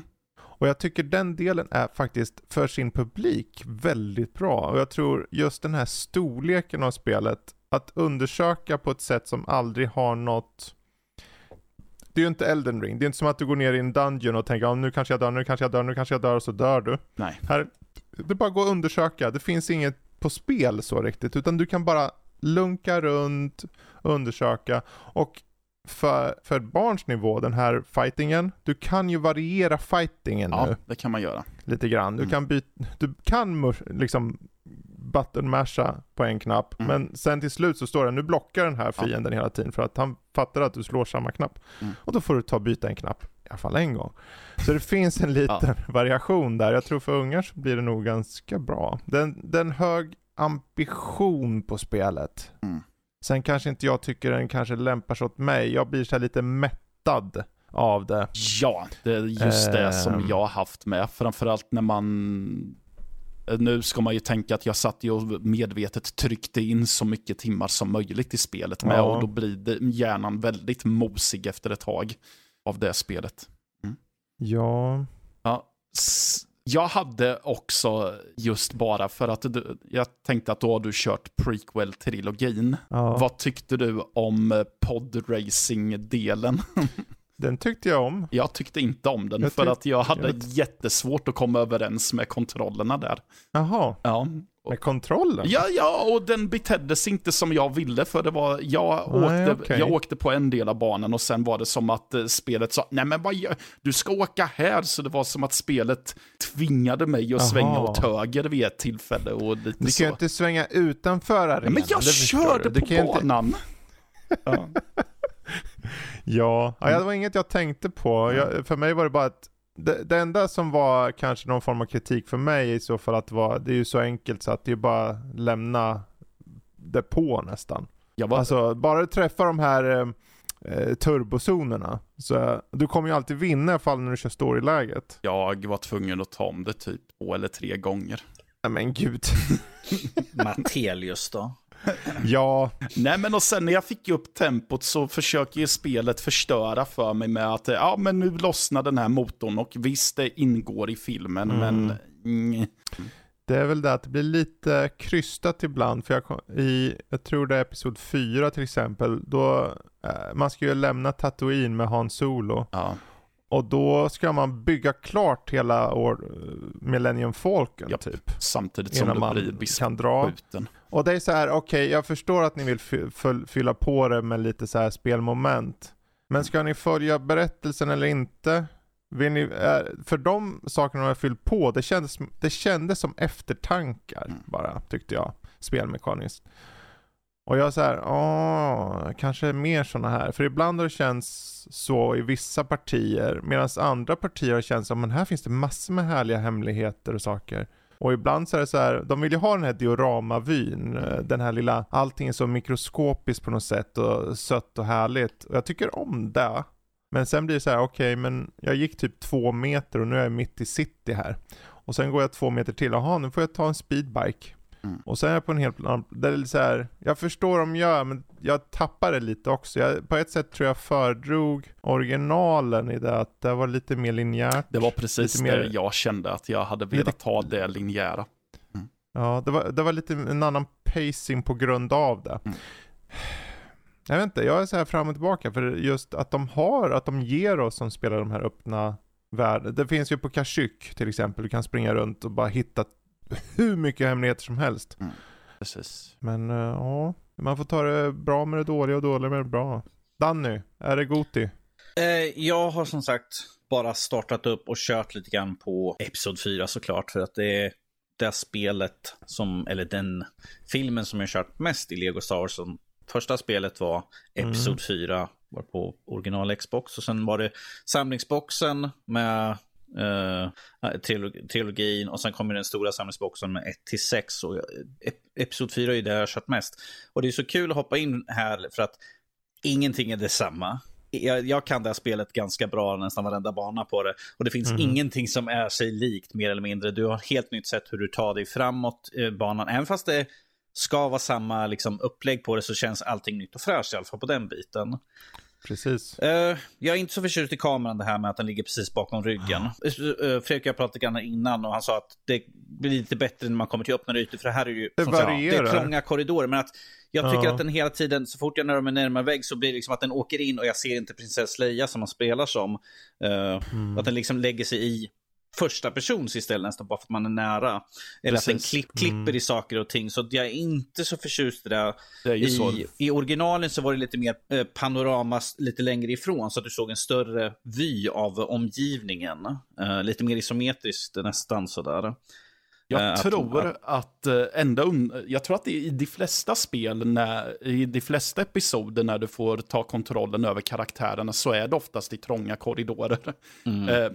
Undantaget jag kommer att tänka på är Rise of Skywalker eftersom att det börjar vid när, vad heter de, The First Order invaderar den där byn. Mm. Och man springer runt som Poe. Då är det ganska öppet. Men jag, jag, ja. är, jag är ju lite nyfiken att komma till Episod 8 och 9 för det är totalt bajsmackor till filmer. Men jag har aldrig spelat dem som Lego-spel, så det ska bli intressant att se hur de mm. tar sig an dem. För Episod 7 var den senaste i Lego-sviten som vi fick ju. Uh, Phantom, men, nej, inte Phantom Menace. Uh, Force Awakens. Force, Force, Force Awakens. Awakens är det senaste Lego-spelet som vi, Lego Star Wars-spelet som vi fick. Så, och 8 och 9 har vi inte, så det ska bli intressant att se bara hur de har tagit sig an dem. Mm. Gjort, ifall de kan göra någon humor i de usla usla ja, filmen. De, de kan säkert få till det. Jag, jag, tror ju på dem. Det är ju fortfarande kvalitet i... De vet ju vilket spel de vill göra i alla fall, mm. tycker jag. Uh, sen kan jag väl tycka, för min del, jag hade mer så här när de skulle ha de här tech vad heter det när man, textsystem, man gömmer sig bakom så här ja. grejer och skit. Det tyckte jag var lite så här hafsigt. Yep. Jag, jag, jag, jag, testade ett par gånger och sa, men det här behövs ju inte, det är ju bara att gå fram och skjuta folk. Eller, eller klubba dem. Som sagt, det här är ju ett system som de testade och hade på få tillfällen på vissa utvalda platser i, i Episod 7. Ja. Uh, där de hade att man kunde liksom sitta bakom och skjuta. Det är ju det att de har lagt in det men eldstrider och sånt kräver det inte. Nej. Så jag ser inte varför du ska använda det. För de har, det är så enkelt så att det finns ingen anledning att använda det. Det finns ingen som helst anledning. Nej. Det skulle vara om jag är ett och ett halvt år kanske. Och jag har lite så svårt att röra på handkontrollen eller någonting. För jag, men, jag menar, jag testade där. Det finns ju när man står första gången när Stormtroopers kommer in där. Jag stod ju liksom och lutade mm. ut mig hela tiden. Det var ju alltid jag lutade mig tillbaka för liksom mm. att ta mm. skydd. För jag stod ju och sköt. De gjorde ju nästan ingen skada på en där ändå. Nej, ju, så nej, nej. Det är ju bara mer, det är mer det här för att ja. karaktärerna i filmerna står bakom och hoppar tillbaka sådär. Så att det är väl mer för att det ska vara lite inlevelse. Du... Att du faktiskt gör som en riktig person skulle göra. Ja, för du, du har ju textsystem i de här, uh, vad heter Barriärerna de här? och sånt där. Barriärerna som står här och var. Men det är liksom, det är ju bara att ställa upp och skjuta. Ja. För det är ju inget, du, du klarar i alla fall. Jag tänkte mm. säga att du själv gör ju inte så mycket skada heller så. Jag, ja. jag skjuter dem i knäna som om du, inte, tycker... om du inte är jedi, då, då mosar man folk uh, hur ja, lätt som det. helst. Men uh, när du är en som måste använda skjutvapen, då är det typ så här, nej men jag skjuter väl i tio minuter till och hoppas att mm. du trillar ner. Okej, okay, jag fick av hjälmen på dig nu. Det är väl ett steg på vägen, I guess. Sen är det så här, det, det, är ju ingen idé att sitta och klaga på lättheten när man vet vad det är riktat mot för publik. Nej, det, det, det, är bra, det, ska vara, det är lättåtkomligt. Det, jag tyckte till exempel om trenchrunnen i, i A New Hope, just de här rymdstriderna som de har, mm. är så här, ja alltså här har ni utnyttjat systemet. Det är liksom lekfullt och enkelt och, och lite så miniatyraktigt och, och härligt. Det tyckte jag var riktigt bra. Uh, och jag menar, körde med kompisar, uh, vilket spel som helst. Till och med Danny hade ju kul i Colonial Marines. Mm -hmm. Och det är ju på grund av att det var co-op. Yep. Så kör man med kompisar så tror jag att det, det höjs mycket mer. Det finns väl ingen online co-op dock, har jag för mig om, i spelet. Det, det är bara soft, soft, ja, soft co-op. Precis. Precis. Men har ni det så är det ju att sätta er och mysa lite. Um, en det ser ju väldigt bra ut, bra musik. Ja, ja, ja. Alltså det ser Det- jättebra ut och eh, soundtracket, det, det är ju, alla vet ju att eh, det soundtracket är 11 av 10, så det är ju inte mycket att klaga på där. Jag, jag tycker det är kul, för en av de första scenerna så är det liksom att Ja. kommer det stormtroopers och har några fångar med, så, så en av stormtroopers ser man har på sig hörlurar och lyssnar på Imperial March. Mm, så här, liksom under... jag bara, okej, why not? Ja, jag tycker det, de, de gör någonting nytt. Där ett helt spel försöker att liksom gå i en ny riktning. Och jag, det är ett bra steg. Jag väntar ju på eh, Indiana Jones Collection istället. Åh gud. Eh, the, the Indie Saga. Ska vi då vänta, ska vi, ska vi då vänta eh, eh, Indiana Jones 5 har kommit ut så att vi får Ja, det med är väl lika också? bra så de får med alla fem där. Precis. Eller ska det bli en DLC man kan köpa till efteråt sådär? Ja. Men, eh, ja. Kul och det är lite varierat, eh, varierade intryck. Men Ja. eh, i slutändan så är det ju det är ett solitt spel som jag tror eh, för rätt person kommer att gilla. Ja, så är det Men ju. eh, förvänta dig inte liksom att det är någon revolution direkt skulle jag säga. Nej. Nej. Det märker jag när när jag kommer längre in. Ja, ja, det du har kört hittills är spelet. Ja. Typ. Sen finns det, är minispel förstås, det här man kan podracing och flyga i rymden och sånt. Ja. Men eh, Tiny Tinas Wonderland, är det en revolution? Eh, Heter det Wonderlands som du skrivit eller Wonderland? Wonderlands. Okej, Tror jag det ska vara Tiny Tina Wonderlands. okej. Ifall inte jag helt jävla flubba-dubbat. Ja, det var fel. Det, det är Wonderland. Nej, det var det inte. Det är Wonderlands. Ja. um, Oh. ifall en revolution.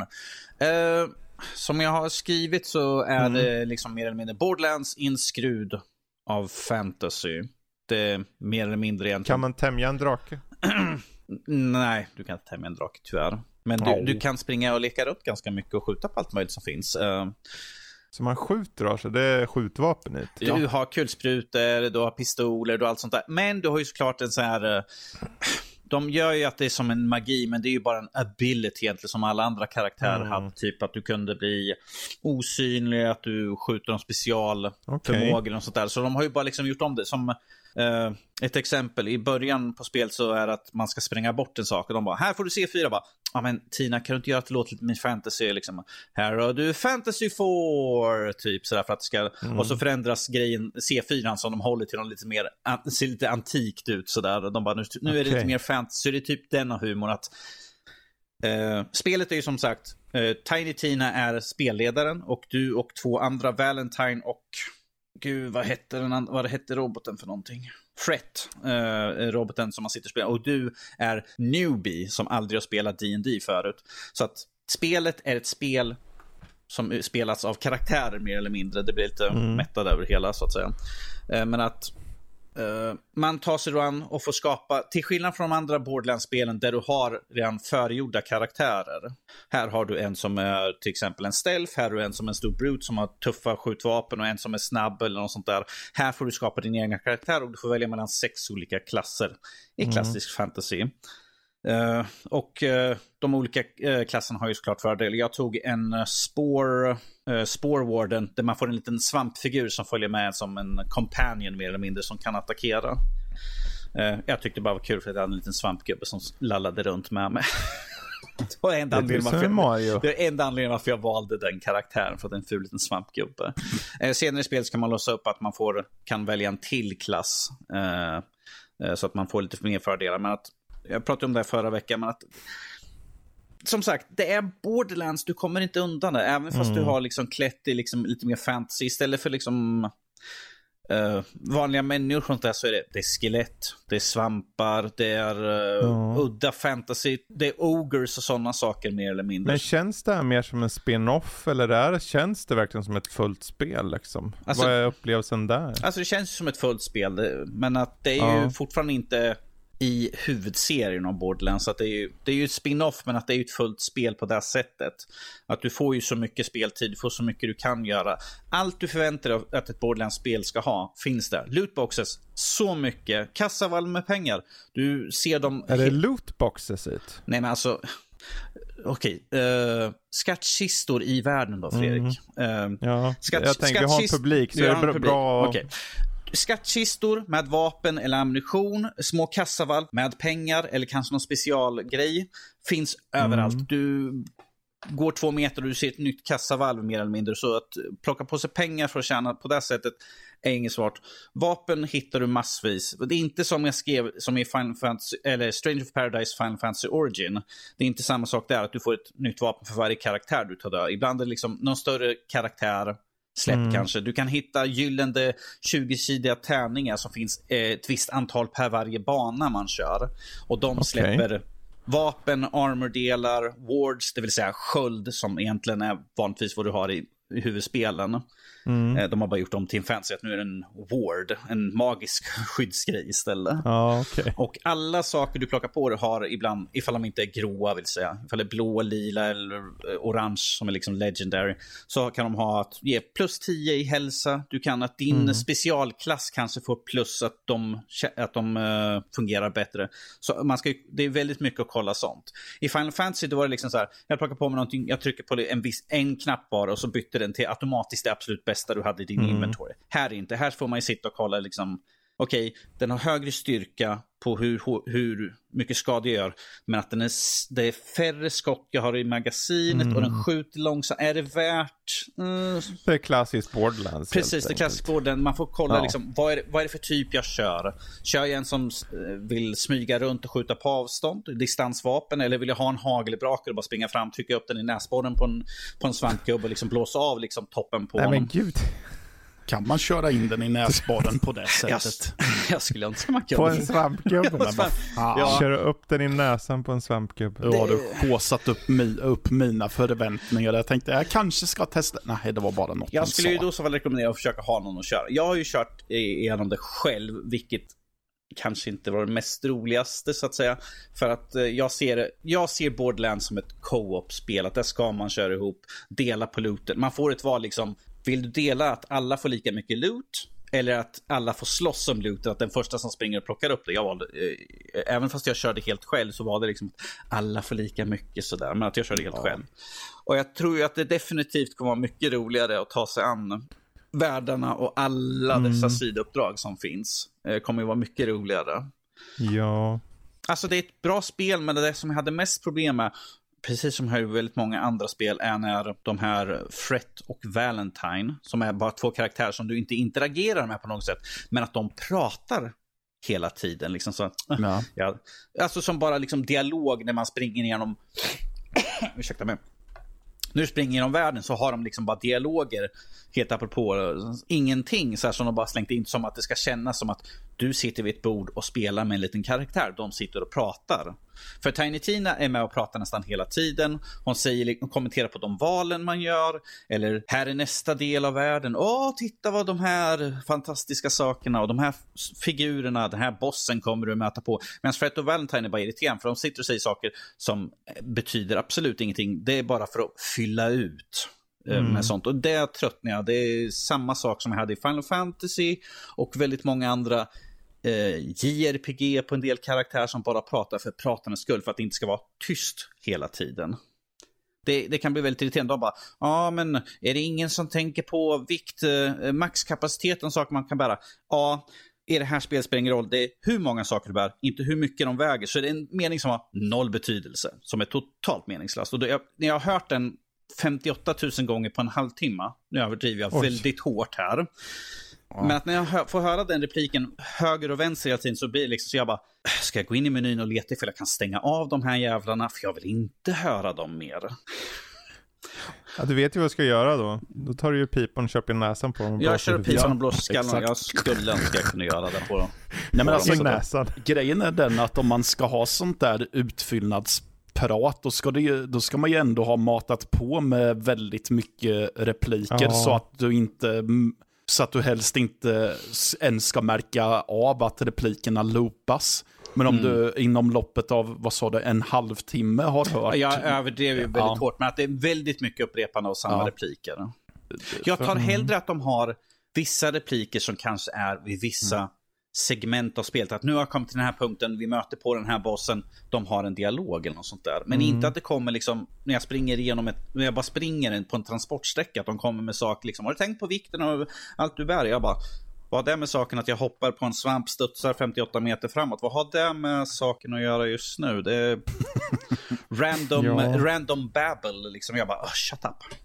Det är nog en av de största liksom, saker jag hade som negativt med det här spelet egentligen. Att de, att de babblar. och Det, det är, de försöker vara roliga med extrema kaninöron här just nu. Att humorn Mm. är Humorn är okej tycker jag, men den kanske inte är för alla. Och jag tröttnar lite grann på den sorts humor som de försöker ha i de dialoger och sånt där. Mm. Plus att menyerna var inte det alltså- bästa heller så. Nej, man, man, det, är ju ett, det är ju ett borderlands. Yes. Man vet ju vad man får. Så Ja. jag tänker, för att avsluta det, att de som kört borderlands kommer gilla det här eller? Definitivt, för det här är Ja. Borderlands eh, Fantasy Edition. Det, det är Ja. egentligen bara det hela. Borderlands i, i eh, hela utförandet egentligen. Sådär. Precis. Det är bara att du nu har en övervärld. eh, där du går omkring, som du går omkring på, på hennes lilla spelvärld så att säga. Mellan Ja. kapitlen, mer, eller mer mellan de olika världarna så att säga. Ja, och det är ju aldrig fel att få mer av gamla, liksom, gamla goda saker så. Ja, Eh, alltså så det är här det så. alltså hoppa in. Jag har kört, jag körde mycket på ettan, jag har kört på trean med dig Fredrik, sådär, men att hoppa Mm. tillbaka, även fast jag inte är den största Borderlands, det var liksom, jag visste exakt vad jag gjorde, jag visste exakt hur allting Precis. fungerade. Det var inte som att det var, åh, det här är någon massa ny meckan. Nej, det är Borderlands med lite fantasy-element. That, Ja. That's it. Ja, Tiny Tinas Wonderland. Eh, värt att titta in om man eh, är Borderlands-fantast eller om man bara vill ha lite kul med kompisar. Liksom. Definitivt. Förvänta er kanske inte någon eh, så här superfräscht och unikt så, men det, ibland är det kul att få mer av det goda. Mm. Ehm, frågan är ju då om det är värt att ha gått tillbaka till Siberia. Mm. Vad är dina intryck hittills av Siberia World Before? World Before, heter det så? Eh, the World Before yes, heter Siberia the World Before. Ja, exakt. Eh, det antyder ju lite, alltså Siberia för de som inte vet, det är en, jag tror att serien i nuläget är typ 20 år gammal. Jag har för mig om att serien kom för första gången i början av 2000-talet. Ja. Eh, Så släpptes det tre spel och så har det varit ett uppehåll fram tills, ja nu egentligen. Ja, men i alla fall, man antyder ju i titeln att det här kanske är någon slags prequel, men den, det är lite både och. Det är både en fjärde del och en del noll kan man säga. Eh, För att i det här spelet så, ja, man spelar som Kate Walker som är en eh, amerikansk advokat som åker till vad nu det landet heter nu igen. Jag kommer inte ihåg vart det men det är ju något eh, fiktivt land typ. Mm. Eh, för att de ska köpa upp en, eh, en fabrik som har skapat en typ av robotar som kallas för automatons. Men eh, hon måste leta rätt på eh, skaparen till det här och eh, upp, in, hittar ett nytt syfte med livet mer eller mindre. Mm. Eh, hon har sen eh, tredje delen suttit fängslad i en saltgruva i Mm. typ Sibirien.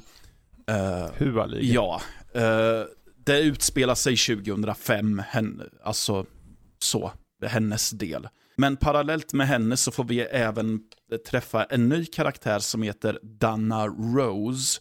Som är en uh, musikaspirerande pianist. Som, ja, mm, tänker starta sina studier och så. Men så kommer det då ett eh, stort hinder. Och det är att det utspelar sig 1938, hennes del. Och det kommer Oj. ett ganska Mm. stort hinder i form av andra världskriget sen Mhm. som, sätter, som vänder hennes tillvaro upp och ner. Men då kan man ju undra vad har de här att göra med varandra då? Jo, det är så att när Kate Walker till slut lyckas fly från den här saltgruvan så hittar hon en eh, målning på en person som hon får påpekat för sig att, hörru du, hon är väldigt lik dig. Mm. Eh, och då tänker hon att, ja men jag, då ska jag leta upp den här, få reda på vem är hon och varför är vi så lika varandra. Typ. Precis. Ja. Ehm, Mm. Ja. Eh, det, är ett...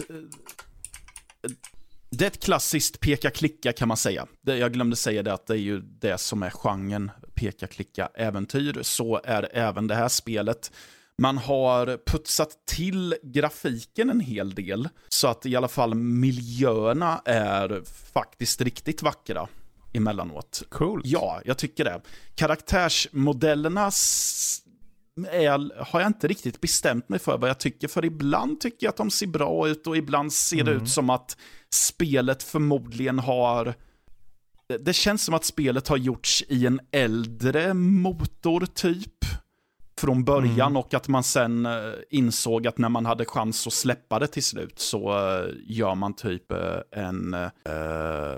så försöker man fixa till texturer och grejer. Och att man Mm. lyckades med miljöerna, men inte, inte i all, kanske inte karaktärsmodellerna fullt ut, även om de fortfarande ser bra ut. Eh, och interface, det är ju, alltså sättet som du spelar, det är du pekar med musen och klickar vart de ska gå.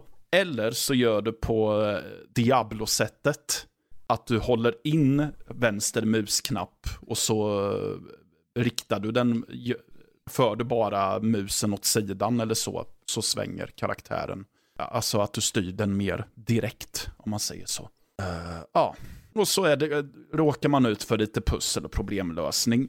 Mm. Eh, och jag tycker att det är lite vä- att jag tycker att det är bra balans på pusslerna. Det är inget som är du behöver klura lite, men det är inget som är så svårt som jag upplevt i alla fall, så att du slänger dig på internet och letar efter en walkthrough. Plus att skulle det vara så att du kör fast så finns det en hintfunktion. Det finns som ett frågetecken du kan klicka på. Och så kan, förutsatt då att du har upptäckt allting som har med pusslet att, pusslet att göra, eller problemet du har framför dig att göra, så får du då en en replik som talar om mer att ja, men du, borde mer du borde titta närmare på den här grejen Mm. istället.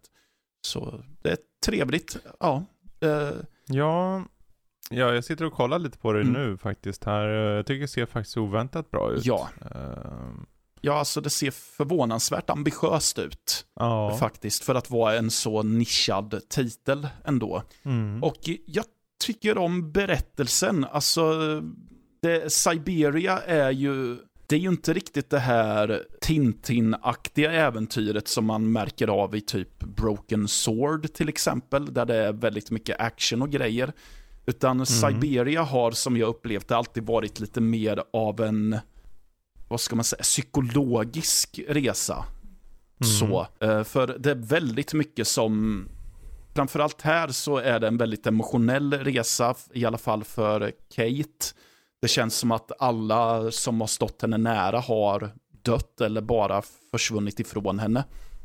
Och Ja. att hon brottas väldigt mycket så med att är det på riktigt att hon vill ha svar på en gåta eller är det att hon vill bara ha ett tåg som hon vill jaga efter för att inte konfrontera sitt riktiga liv i USA till ja, exempel. precis. Och Dana Rose är lite samma sak. Att, och det är också just det att man letar efter en bättre tillvaro i livet lite. Och att man hittar någonting som man, ten, som man tänker att man hänger upp sig på. Och tänker att ja, men det här Mm. kommer vara min grej i livet. Men att man har inte en eh, reservplan för om just den grejen skiter sig. Mm. Och livet har ju tyvärr den fula ovanan att skita sig ibland. Ja. Det är ju så. Ja. Eh, ja, jag sitter och kollar på, jag körde ju trean en del och Mm. då hade den här vemodig, vemodet på något sätt Ja, i sig. exakt. Tyckte jag. Eh, och uh, det, det, Siberia är åtminstone unika där känner jag i, i sin ton. ja, det är just det. Och I sin, eh, hur de har de här, nu vet jag inte hur mycket det av trean har de här mekaniska gubbarna. Ja, så, ja, men det är ju sån, de som kallas för automatons. Atom, atom, Ja, atom, Precis. Ja. Eh, och det är ju väldigt mycket pussel som är kopplade till dem. Så att eh, det, det är Mm. lite att först konstatera, okej, men vad gör varje del av den här Mm. roboten för att eh, lösa problemen? Och så.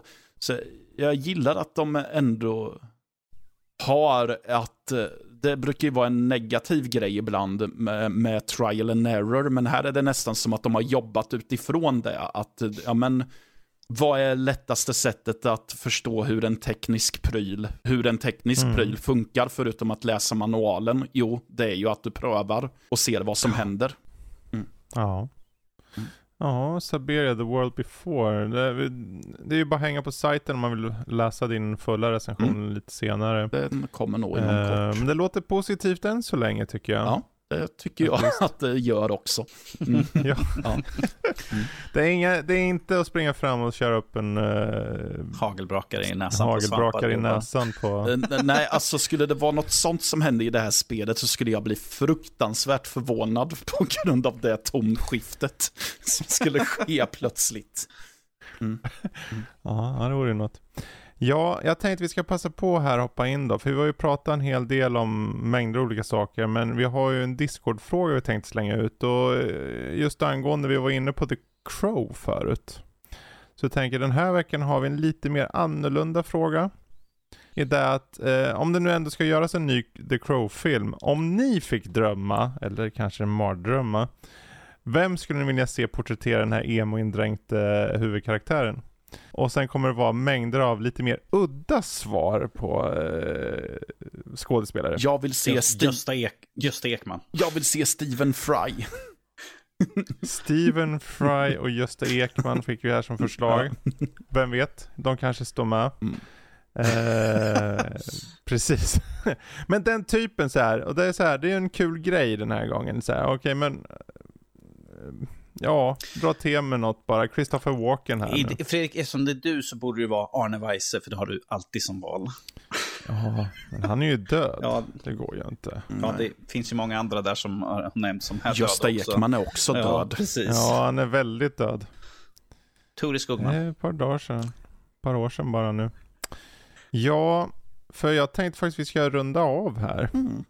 Ehm, jag tänker vi har, det har eh, varit ett långt avsnitt. Jag menar, är det så ni vill ha den här Discord-omröstningen och vara med och rösta i den så, så hoppar ni bara in på vår hemsida.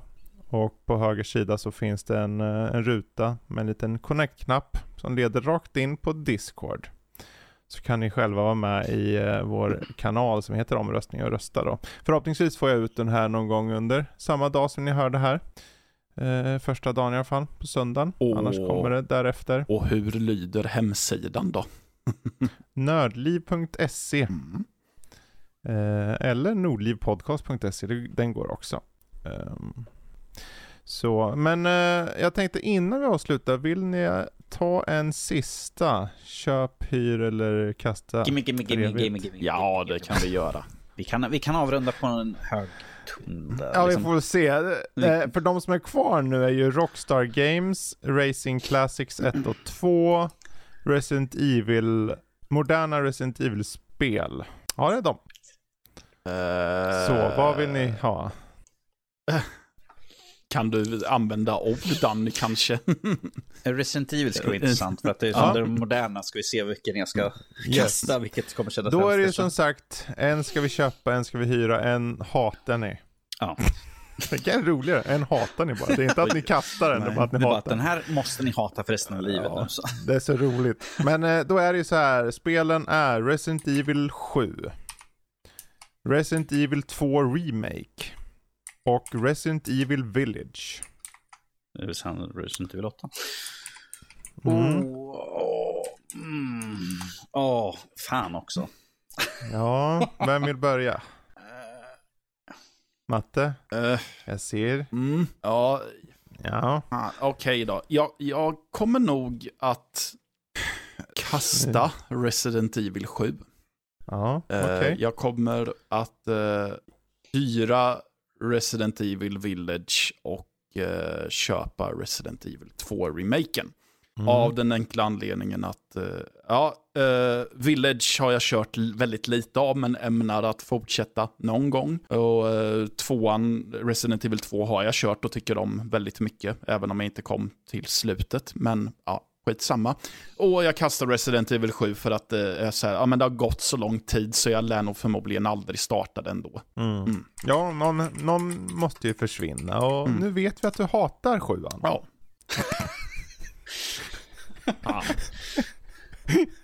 Ja. Ja. Ja, du kastar den i alla fall. Um, Danny? Återigen, jag, jag ser allihopa och jag tycker väldigt mycket om alla tre. De har... Ja, ja, men en hatar uppenbarligen. Vilken är det? Eh, Oj. eh, jag, jag tror jag får köra, eh, köpa Resident Evil 2, hyra Resident Evil 7 och eh, kasta Resident Evil Village. För att jag tycker att tvåan är liksom en remake på original tvåan där och den ligger väldigt högt och väldigt nära till hjärtat. Resident Evil 7 är ju det som eh, för mig nystartade lite grann de här nya spelen och åttan är ju bara en fortsättning på sjuan så därför kom och, åt, Ja, och sjuan ja. var så fantastiskt bra tycker jag. Mm. Eh, Så Village får tyvärr hamna längst ner. Village hatar du, Nej, då vet vi jag det. Ehm, av hela ditt hjärta. Av hela mitt, jag måste gå och kolla vad jag ska Ja. ha för betyg på Det är skiten lugnt, för jag, jag har samma. Jag har faktiskt samma där. Jag har Resident Evil 2-remaken och sen 7an och sen Hur så kan hata något som jag ger bra Resident köp? Evil Village. Hur kan hata något som får bra köp? Du, du kastar den här lilla leken bara. Eh, det, är ju så, det ska ju vara lite tufft. Jag förstår, jag, jag förstår mycket väl att du inte hade Resident Evil 3 där. Eh, remaken då. Ja. Ja, så dålig var den ju inte. Men den hade ju kommit lägre bara i jämförelse med de andra. Ja. Ja. Men eh, bra, vill ni avsluta där eller ska vi ta en sista? Ja, Jag vill ha en till. Jaha. Stackars lyssnare bara, men ska ni höra vad fan Ni säger att ni ska nu? avsluta, sluta prata. Jag vill, bara ta, jag vill att vi tar en racing bara för att se, för att jag tror Matte säkert har kört racing. Okej. För han är mer racing än vad jag är. Vi har eh, Racing Classics 1 och 2. Matte, välj en av dem. ja Racing? Classics 2. Oh. Okej. Mm. Det ska bli intressant. Följande spel. Outrun. Sega Rally. Och Ridge Racer. Och så är det Outrun. Ridge Racer. Vad- Aha. Outrun, Sega Rally och Ridge Racer. mm. Ehm, Oh, eh, hmm. Det var svårt där Okej, faktiskt. nu ska vi se här. Uh, Outrun vet jag inte vilket det är. Alls. Det har jag nog inte kört. Tror jag inte. Okej. Nej. Så, men det kan ju vara trevligt att stifta en ny bekantskap, så det tänker jag att det kan jag ju hyra. Ja, ja, ja. Eh, Spännande, spännande. Ja, Sega Rally tycker jag är kul, så det kan jag, det kan jag nog ändå tänka mig att Mm. köpa. Ridge Racer minns jag att jag inte var så dunderförtjust i när det begav sig, så det tänker jag att det kastar jag. Mm. Okej. Okej. Eh, bra. Uh, Danny. Ehm, ja, du. Uh, vad svår. Eh, av ren nostalgi så Mm. måste jag säga att jag sätter Outrun på första plats där. Ja. Eh, och hyra. Ja, jävligt svårt faktiskt. Eh, eh, jag sätter Ridge Racer som hyra och så får Mm. jag kasta eh, Sega Rally. Yes. Det är väldigt nära på de där två, alltså två sista. Ja, ja. Vad säger du Ja. själv Fredrik då? Jag sätter Outrun som första. Jag sätter Sega Rally på att eh, hyra. Och jag kastar Ridge Racer. Eh, för min del är det egentligen bara för att jag aldrig kört Ridge Racer. Jag har, kört Jag har bara kört Sega Rally och Outrun. Ja. Så då fick det bli så. Jag eh, står fast med mitt, vid mitt val, även nu när jag vet vilket Outrun är, för jag tog Ja. reda på det under tiden. Jag har sett det, har jag gjort, Ja, men jag har inte kört det själv. Ja, Mm. ja men då tar vi Racing Classics också så tar jag blir av med hela kategorin. Eh, Burnout 3, Takedown. Road Rash och Colin McRae Rally 2.0. Aha. Alltså, Colin... finns det fem lyssnare där hemma. Ja, ah, nu vet de vilka spel de ska ta. Resten bara, varför pratar ni om racingspel? Vad sa du? Colin, Jag sa Burnout 3. Jag sa Road Rash. Och jag sa Colin McRae Rally 2.0. Colin McRae. okej, jag kan väl hoppa Mhm. in då. Eh, jag, eh, jag tänker att jag köper Colin McRae 2.0. det är ju ett eh, lysande rallyspel. Um, minns jag det som då i alla fall. Och det är Mm. klart att då är det det. Uh, Road Rash, om det är det jag kommer ihåg att det är motorcykelspel typ där man slår varandra med baseballträn och kedjor. Mhm. Jag tyckte att det var vansinnigt kul, så det skulle vara kul att... Soundgarden som soundtrack. Ja, så det hyr jag gärna. Och så Mm. kan jag kasta Burnout. Mm. Mm. Eh, jag skulle ha, jag köper Colin, självklart. Eh, jag hyr Burnout Mm. och jag kastar Road Rash. Eh, ditto. Ja, Okej. Same same här. Jag, jag tar Colin alla dagar i veckan. Jag var så här, för jag försökte hålla mig borta från Colin när jag skrev det först, men sen kom jag på så här, men jag måste ju ha med ett Colin-spel i det här. Ja. Ja. Eh, Burnout 3 är ju en av de bästa i serien och det är sånt där, det är så roligt bara. Jag har ett, jag har ett Burnout på min folk. PSP. Bara för att det var Burnout så skaffade jag på PSP. Bara för att jag skulle kunna Ja. köra liksom när jag var på, på, ute på Jag språng. var så sen in i det där. Road Rash, när den kom, måste vara runt 96 eller något, så såg det så snyggt ut tyckte jag jämt. Jag kommer ihåg att jag såg på och tänkte, wow, hur kan det se ut så här? Det ser ut som riktiga människor ju. Och så liksom nu kollar man så är det sprite-gubbar som har typ två anim 91 animation. släpptes det. Oj, så tidigt? Yes, av EA. Okej, ja då är det nog en annan Road Rash jag tänkte på. Mm. Som sagt, det finns ju några iterationer av Road Rash Ja. eh, där ute. Så det här är första Road Rash, släpptes 91. Ja, den, den som hade, den som hade Soundgarden, undrar vilken, vilken det var då? Det får bli ett mysterium helt enkelt. Ett konundrum. Ehm, Ett konundrum. ja. Ja. Men eh, då så, jag tycker vi tar och rundar av där faktiskt. Ja. Jag menar, när ni vill ha mer av oss, ni kan ju bara hooka upp oss på de sociala medierna där på nordliv.se. Om det så är Twitter, Facebook eller Instagram. Vi har ju faktiskt lite bilder här och var. Det, Ja, det händer. Mycket lego på sistone. Ja. Eh, av någon anledning, jag vet inte varför. faktiskt. Jag är oskyldig till alla bilder. Bra, men då är det dags för oss att runda av genom att Ja, det är väl bara att ta den där hagelbrak, köra på våra näsor och skjuta av då, så blir Ja, det slut det, på det det är här. lika bra. Gör slut på pinan bara. Gör slut på pinan bara. Ja, Ja. precis. Jag kan säga Ha det bra allihopa. Va- Vadå, vad vill du säga? Road Rash från 94 hade Soundgarden. Oh, Okej. 94, klassiker. Yes. Ja. Bra, då fick vi det ur vägen också. Ja. Puss och Eh, kram! Tack och, ja, tack och hej, tack och hej, tack och hej. Toodaloo.